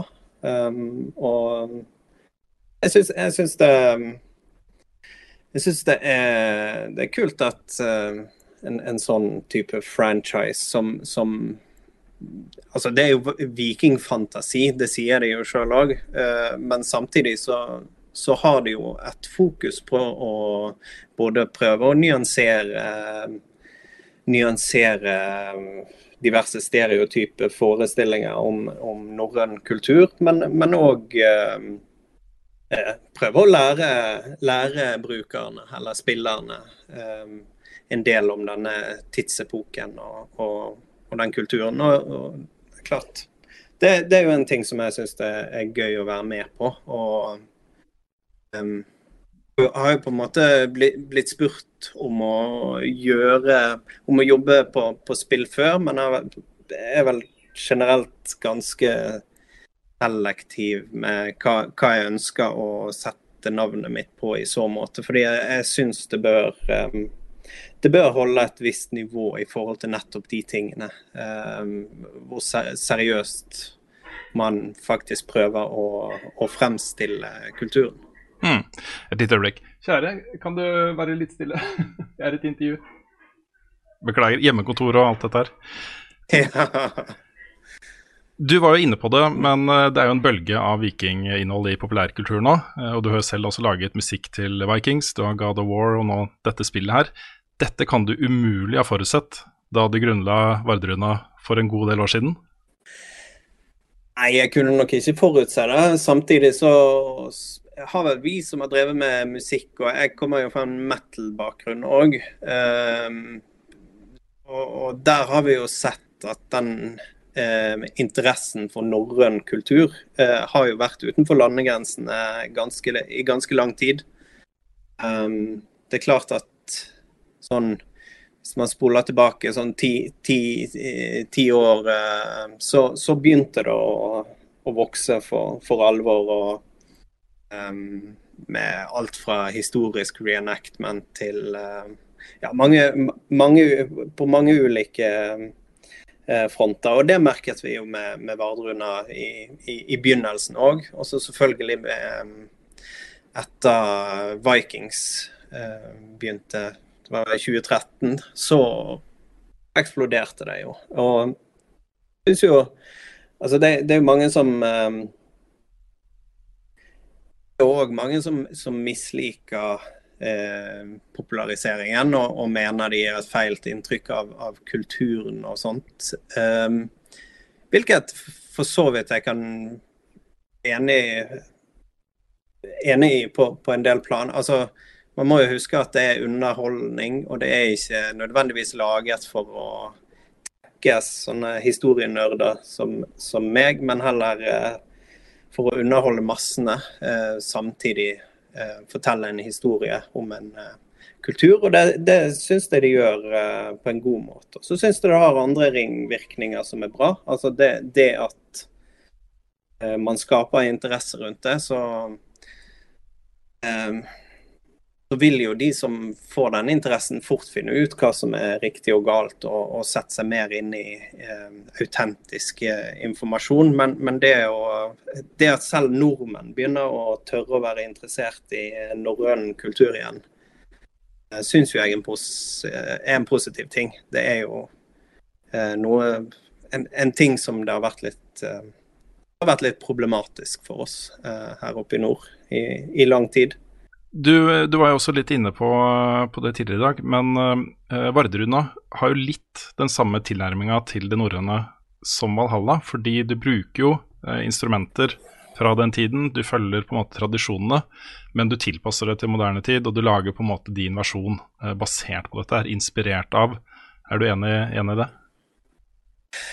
Ja, jeg, jeg drar det nok kanskje Jeg er nok litt litt strengere enn eh, Vikings og Valhalla uh, i forhold til at uh, til, å, til, å, lytte til um, til uh, altså den, den, akademiske tilnærmingen ligger jo alltid i bunn i, i det jeg gjør, men, men, det som du sier, det handler mer om å um, mer om å ta noe gammelt som jeg mener ellers har relevans, og, og, lage noe nytt med det. Um, men det er viktig for meg at på en måte grunnlaget er bygget på noe som er solid, noe faktisk, noe vi, uh, vi vet. Um, eller i hvert fall kan anta, anta med ganske grei sikkerhet. Så, så, det ligger mye sånn Det ligger en ganske heftig uh, hva skal man si, akademisk tilnærming i bunn før, før jeg uh,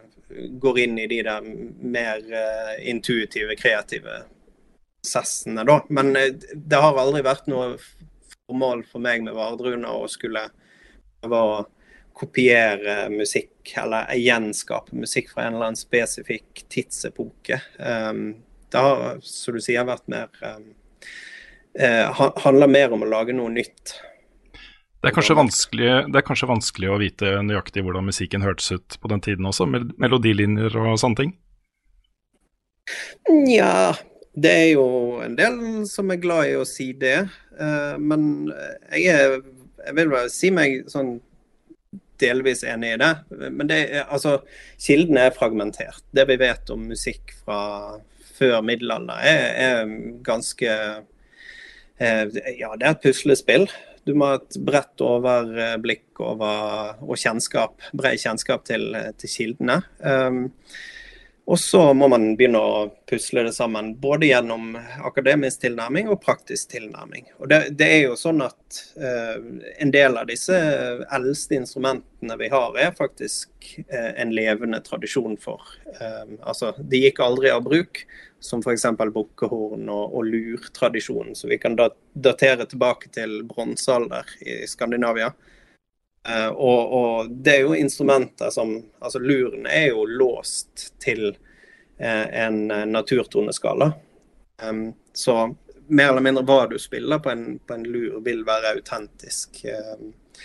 Og, og, en del andre instrumenter òg som, som, er såpass begrensa i hva du kan og ikke kan gjøre med dem. Altså ulike strenge instrumenter som er dronebasert, uh, osv.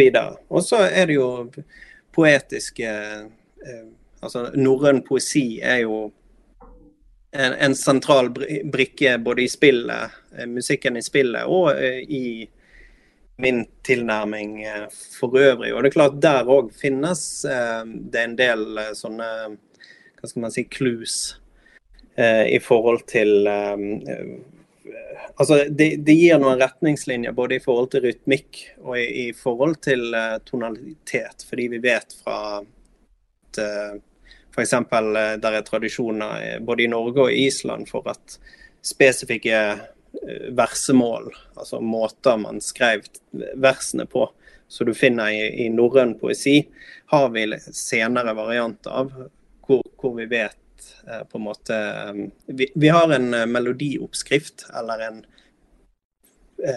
Ja, en slags låteoppskrift på, på ulike versemål, da. Så um,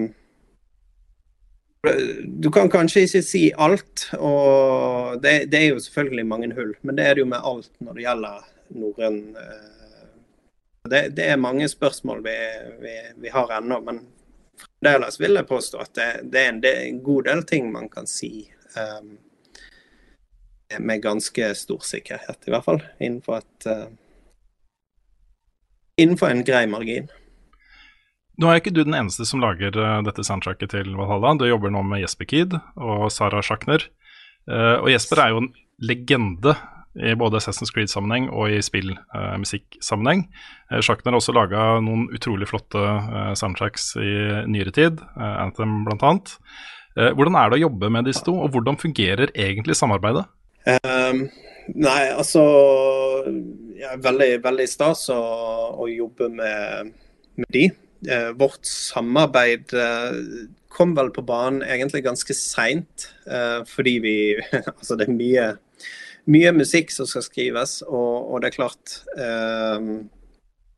vi, vi, har ganske ulike roller der de maler mer med, med breie penselstrøk eh, i, i, i, de altså I musikken de har skapt, så, så er min in game-musikk kanskje mer spesifikk.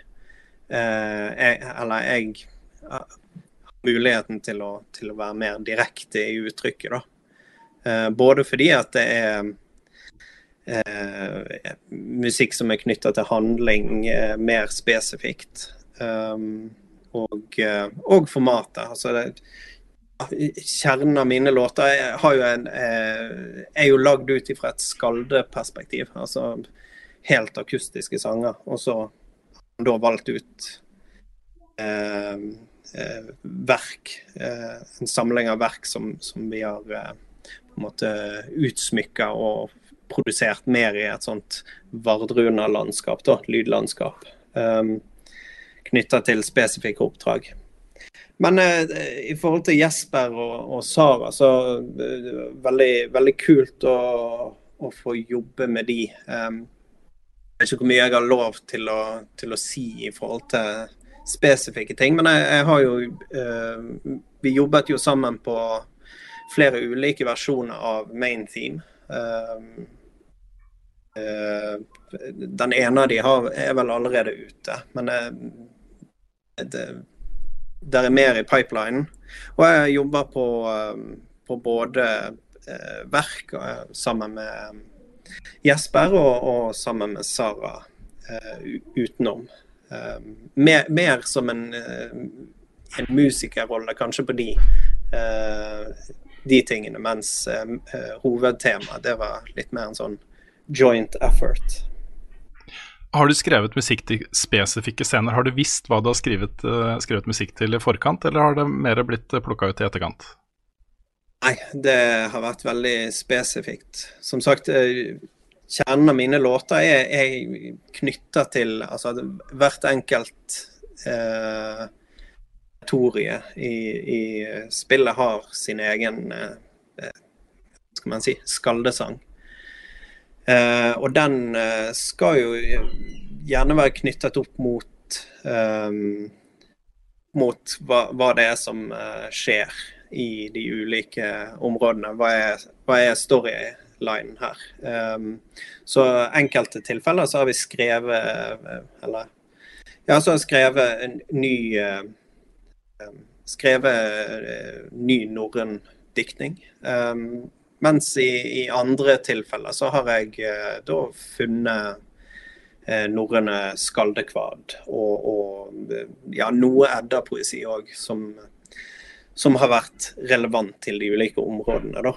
Um, så det er på en måte utgangspunktet, da. Og så er det jo selvfølgelig variant av de ulike sangene du hører hvis du går inn i langhusene eller i mer i instrumentalversjoner. Det vil være andre settinger hvor du får andre versjoner av låtene. F.eks. når du er på skip og eh, og det, altså det, det, det, er en god del um, en god del kule detaljer, da. Um, de, de, har um, Det var på, på, en måte noe av det jeg likte når, når jeg fikk denne forespørselen av Ubisoft òg, at jeg syns, jeg syns det var veldig ambisiøst prosjekt. Og, um, og, og dette at de, de tør å la på en måte et, et såpass eh, nakent og upolert uttrykk som jo skaldepoesi med en, med med en lyre er. Um, så ja, det har vært uh, Det har vært uh, mye arbeid, det har det. Men òg uh, veldig spennende. Eh, jeg må spørre også, eh, Skal du spille dette spillet selv? Eller eh, Du har sikkert spilt deler av det, eller i hvert fall sett deler av det. Men du, sitter du sånn som jeg og mange andre gjør nå, og gleder seg til å kaste seg ut i Valhalla på egen hånd? jeg har ikke fått lov til å spille det ennå, men jeg har jo selvfølgelig ja, gjennom de, de, siste par årene nå fått, fått sett mye av av eh, innholdet og sett mye gameplay, sett gjennomspilling av hele territorier og, og, og så videre. Og det er eh, Det ser helt vanvittig, vanvittig bra ut. I, I, forkant så var jeg nødt til å eh, Jeg spilte Assassin's Creed for et av de første spillene for, for, for lenge, lenge siden. Men men så, så, en av de tingene jeg måtte gjøre, var jo å, å sette meg inn i, i, spillet. Så det første jeg gjorde før jeg begynte med musikken, var å, å spille, spille, Origins. For å få en, en, følelse med formatet og, og få en idé om hvordan jeg skulle jobbe og sånt. Men ja, jeg gleder meg veldig til å, å prøve det. Det er vel begrensa hvor mye jeg får si om hva jeg syns om Valhalla foreløpig, men jeg har i hvert fall lyst til å si at uh, bidragene dine merkes godt, og at de har uh, allerede løfta opplevelsen min mange ganger. Så um, jeg syns det er kjempegøy at, uh, at, du har vært med på teamet her også. Jeg tror det er med på å løfte Valhalla, så veldig bra innsats. Det setter jeg pris på. Hjertelig takk. Det, det er hyggelig å høre.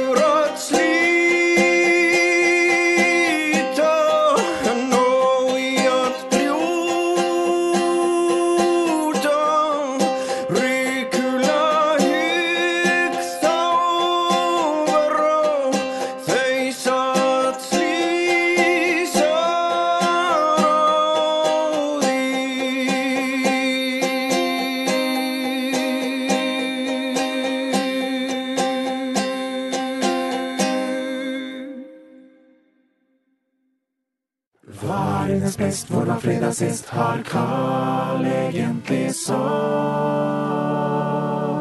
Ukens spørsmål. Og Vi setter i gang med spørsmål og svarspalten med et spørsmål fra Mathias Kjølstad. Han skriver spørsmål til Carl og Frida. Passer veldig bra at det var vi to som var igjen, da. Eh, har dere klart ja. å si ha det til Hades ennå? Ja, har vi det? Eh. Jeg har eh, så vidt kanskje klart det nå. Eh, men jeg har spilt det utrolig mye. Jeg tror jeg, For jeg kommer jo til den epilogen. For det er jo først da slutten, den første slutten, og så end the credits-slutten. Der hvor du må runde det sånn ti ganger eller sånn. Mm -hmm. Men i tillegg så er det en epilog. En sånn på en måte slutt på Det er ikke egentlig en slutt engang, men det er på en måte en slags avslutning på historien. da. Okay. Og den måtte jeg tror jeg, jeg, måtte, jeg tror det var run nummer 70-80. Oi. Da jeg til slutt fikk den. For da må du makse ut en del sånne hjerter og sånn for, for å få den. Og eh, etter jeg fikk den, så følte jeg endelig at eh, OK, nå kanskje det er på tide å legge det fra seg. Men eh, det, har, det ble spilt intenst, altså. Jeg vet ikke hvor mange titalls timer jeg har i det nå, men det er mange. Det er kanskje oppi 100. Og såpass, ja. Mm. Ja, for jeg er Hva run er jeg på, da? 40? Eh, slutten av 30-tallet, i hvert fall. Um, Ja, så jeg har da har du jo spilt en del. Jeg har da, jeg har spilt en god del etter vi anmeldte det. Eh, men så kom Pikmin 3, så jeg har liksom tatt eh, Da har tatt litt over, da. Men jeg har Mm. lyst til å komme til den, eh, for jeg har ikke kommet til credits. Så det har jeg lyst til å gjøre. Den. Ja.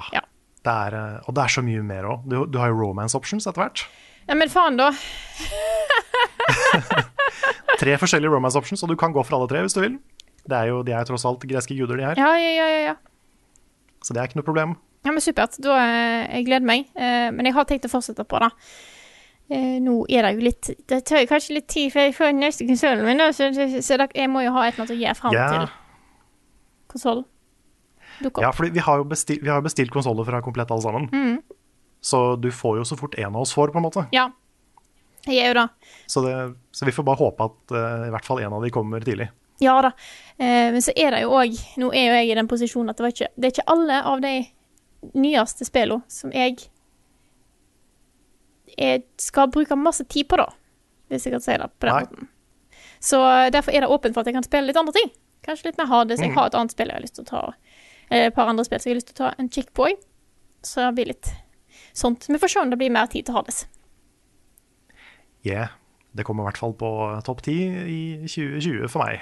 Det kan jeg, kan jeg så å si garantere. Samme her. Det Eh, er ikke alltid vi gir ti av ti. nei, det er helt sant.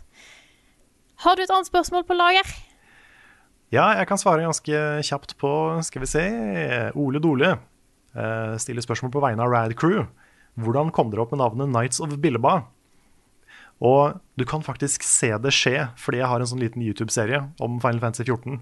Der hvor vi spiller gjennom storyen fra noen år siden. Og der eh, diskuterer vi oss faktisk fram til navnet.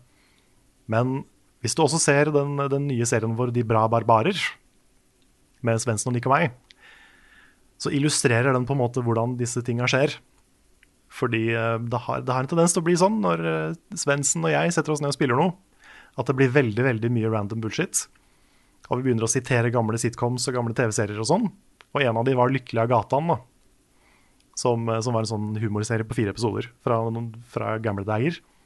Hvor um, da han som spilte Walter i De syv søstre på, på TV 2 for mange år siden Husker du De syv søstre, Frida? Eh, jeg kan vagt huske at det fantes, men jeg tror ikke jeg har sett på det. Nei, ikke jeg heller. Jeg så aldri på det. Men jeg bare, jeg bare fikk med meg liksom Billoba og, og Walter. Og han da eh, spiller seg sjøl eh, og tvinges av politiet til å si den hele natt jeg var sammen med Billoba. For han da spilte en tysker. Eh, og den setningen ble liksom repetert mer og mer mens vi satt og spilte, og så ble vi liksom The Nights of Billoba etter hvert, da.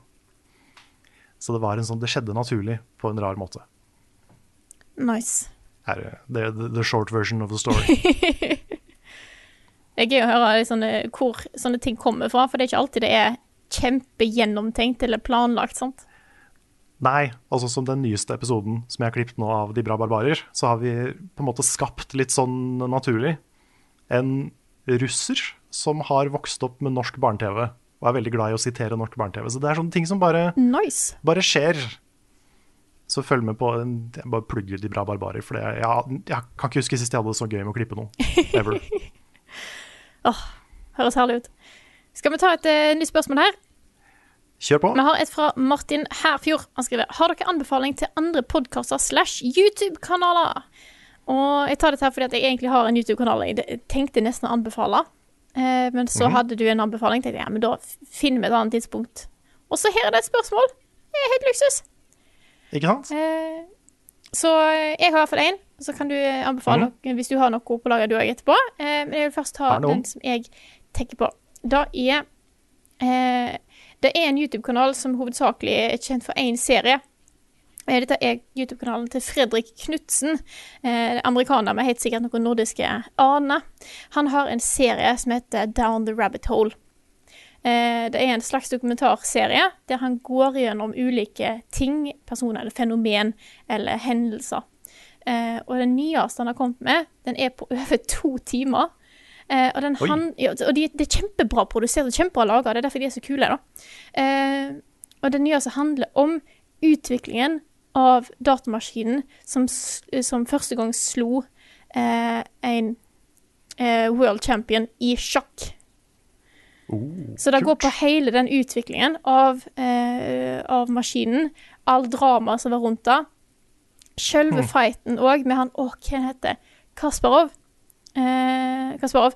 Han var jo jæklig smart, eh, og klarte liksom under ene fighten med den herre eh, Med en av versjonene av denne datamaskinen, så klarte han å finne weak points i softwaren til maskinen. Og måtte lage strategier mot det. Det er helt insane. Det er en kjempegod dokumentar, og resten av serien er bare helt insane. Så eh, Man, man versus machine. Yes, indeed. Eh, og jeg tror på et tidspunkt så sa de at eh, han der, var da humanity's last eh, man, eller et eller annet sånt greier, mot, liksom, mot the machine, da. Mm. Eh, Shit. Men var, var folk redde da for at uh, AI-en skulle ta over verden og sånn, når det skjedde? jeg vet ikke. Altså, du hadde jo hatt en del eh, sånn, altså, maskiner og sånt har jo blitt, vært litt i film, sant? Terminator og sånne ting. Eh, dette var jo på slutten av 90-tallet. Eh, disse eh, kast, det sjakke match som var. Eh, men det, det blir ikke tatt opp så mye i den dokumentaren her, da. Og på en måte hva samfunnet tenkte om AI rundt Nei. da.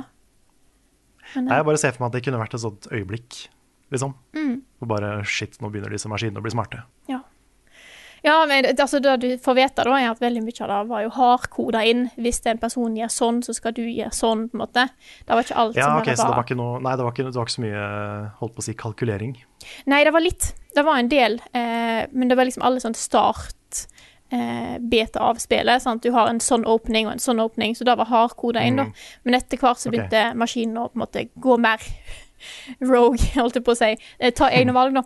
Men det var ikke så mye sånn type læring, sånn som eh, AI har i dag, da.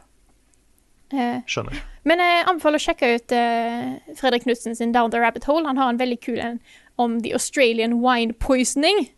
Eh, som, eh, Austrian, sorry. Austrian wine poisoning. Austrian? Ja. Ok. Som handler om da Østerrike produserte masse masse vin, og så endte de opp med å bare eh, fylle den med gift eh, og ødelegge hele sin egen vinproduksjon. Så eh, check, check it out hvis du vil ha noe å se på. Cool. Mhm. Ja, jeg kan, eh, jeg kan jo slenge inn et par av mine YouTube-anbefalinger også. Noen av de har jeg anbefalt før, sånn som Movies with Mikey. Bare en eh, sånn utrolig flink, veldig sånn følelsesretta eh, analyse av filmer og serier. Og nå litt spill også. Han har en episode om Selda og Mario som også nettopp har kommet. Hvor han går litt inn i historien på ting. Eh, forklarer litt folk, folka bak. eh, forteller litt sånne personlige, menneskelige historier bak, bak filmer og spill og serier. da. Og han er så Alt det han lager, er så ektefølt. Så man blir så glad i han, og både liksom Men også glad i de filmene han snakker om, og de tingene han snakker om. Hvis du, hvis du liker en film fra før, så blir du på en måte Du blir ti ganger mer glad i den filmen etter å ha sett hans video om filmen. Så eh, han er, han er varmt anbefalt. Så vil jeg også anbefale Lincy Ellis, som er en veldig veldig flink eh, sånn mediekritiker.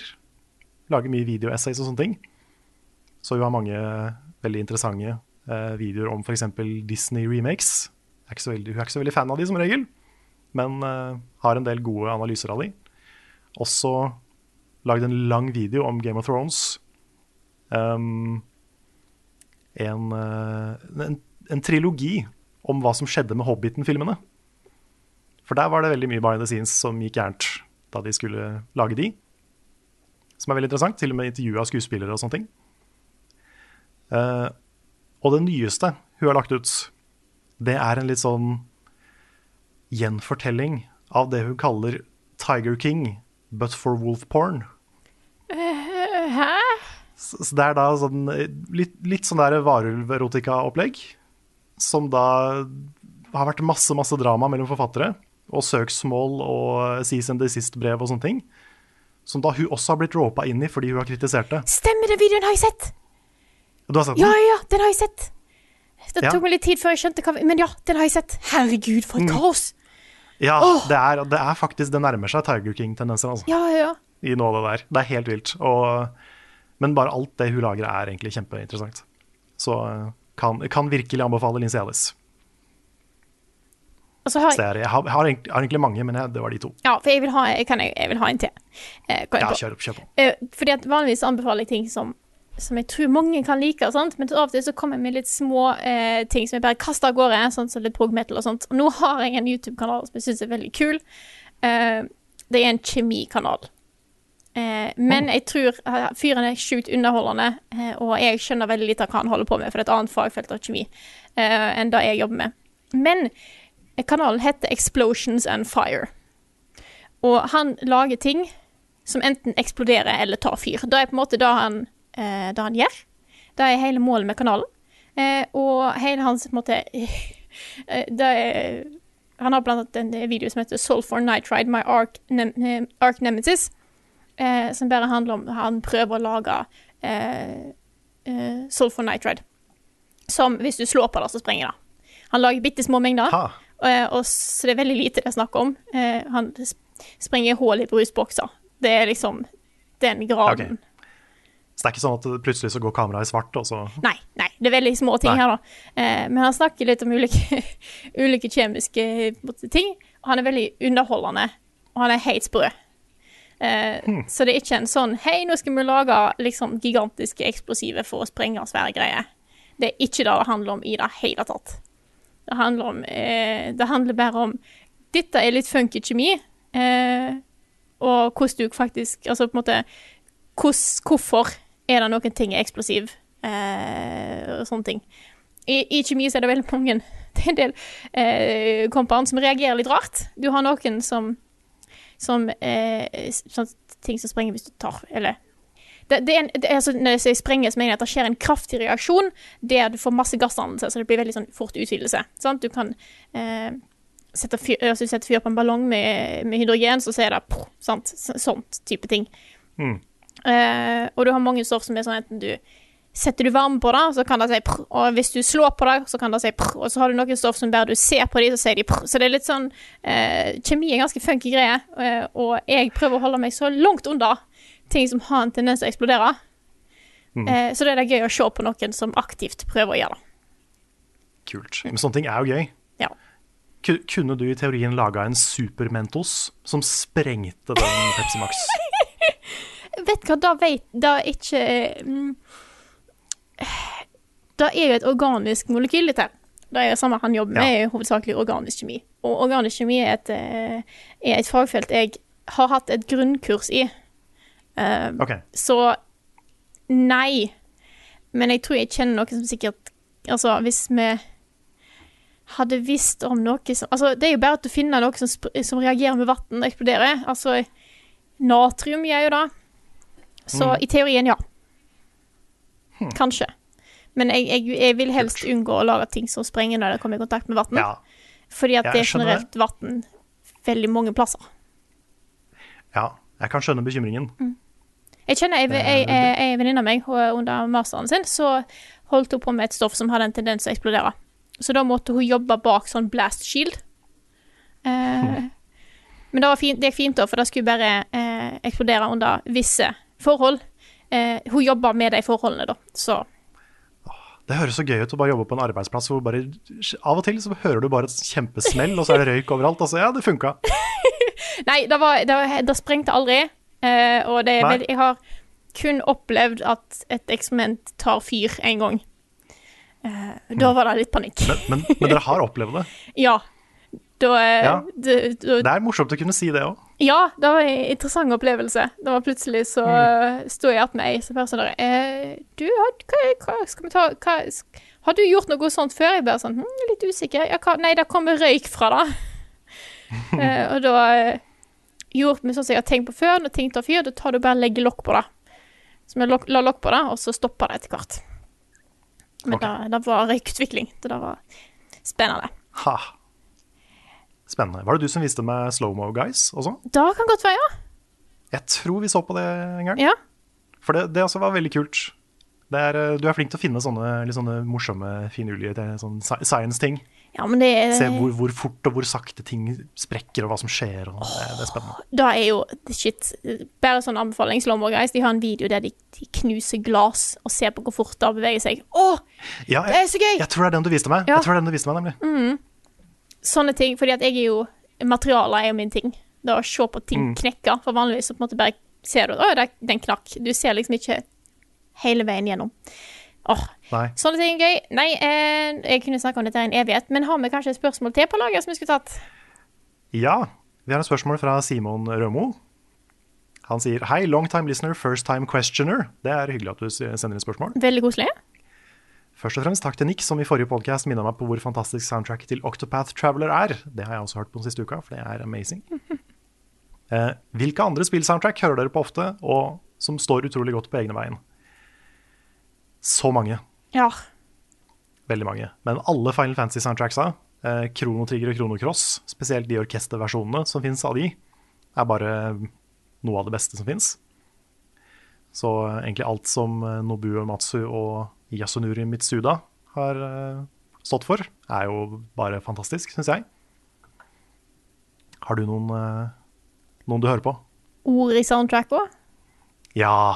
Ja. De er jo kanskje et av de, de Altså blant de beste eh, soundtrackene som er der, vil jeg si. Ellers så har jo jeg en liste på hvor mange er det nå? 650 sanger i, i spillelista mi her. Dette er jo på YouTube Music, som Google har gått over til nå. Eh, Mm. jeg, si, jeg, ikke, jeg tror ikke jeg får delt den på en god måte, siden det er mye som jeg har lastet opp etter å ha eh, kjøpt det på diverse plasser. Eh, men jeg hører mye på, og har gjort det i mange år, eh, soundtracket fra Raymond Origins og Raymond Legends. Eh, jeg, jeg vet ikke hvor mange versjoner av Undertale-soundtracket jeg har inn på her lenger. ja, herregud, Undertale. Ja. eh, Og de 100 000 remixene av Undertale-musikk, det er så mye bra.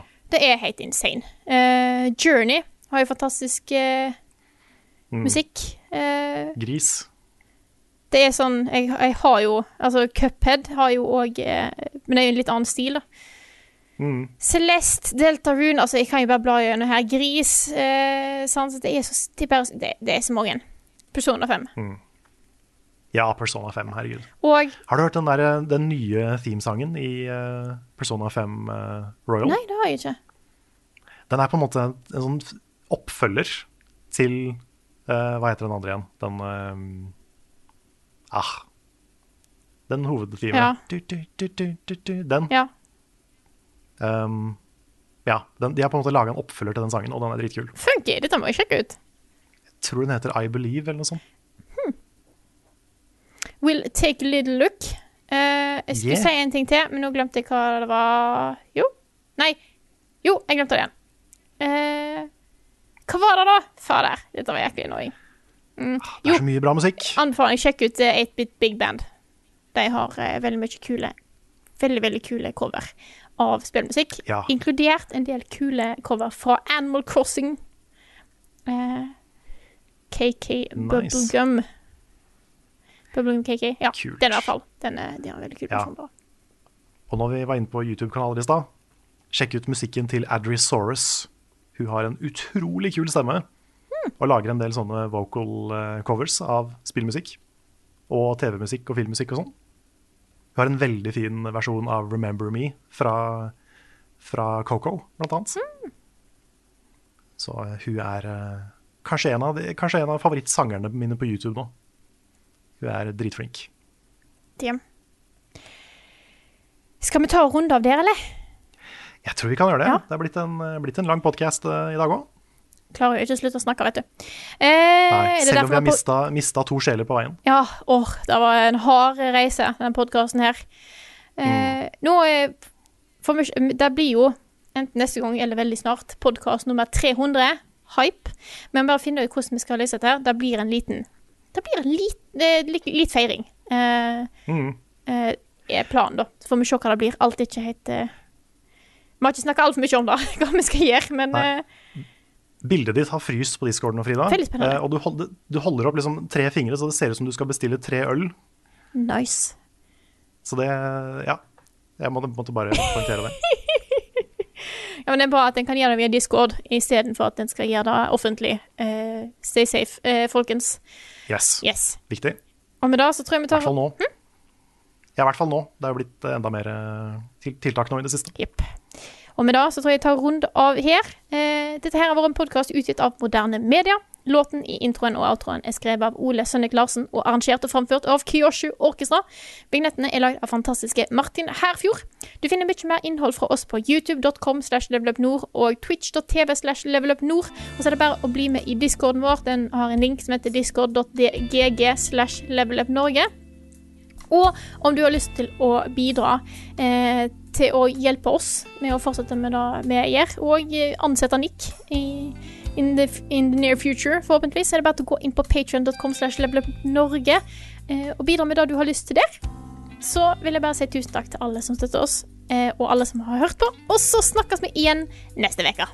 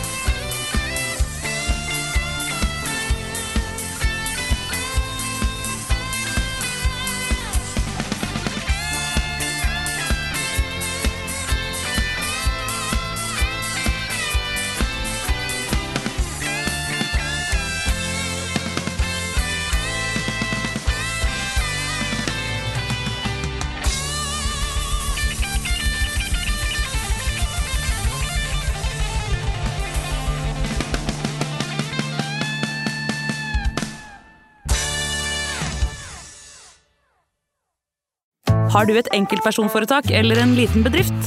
Da er du sikkert lei av å høre meg snakke om hvor enkelt det er med kvitteringer og bilag i fiken, så vi eh, gir oss her, vi. Fordi vi liker enkelt. Fiken superenkelt regnskap.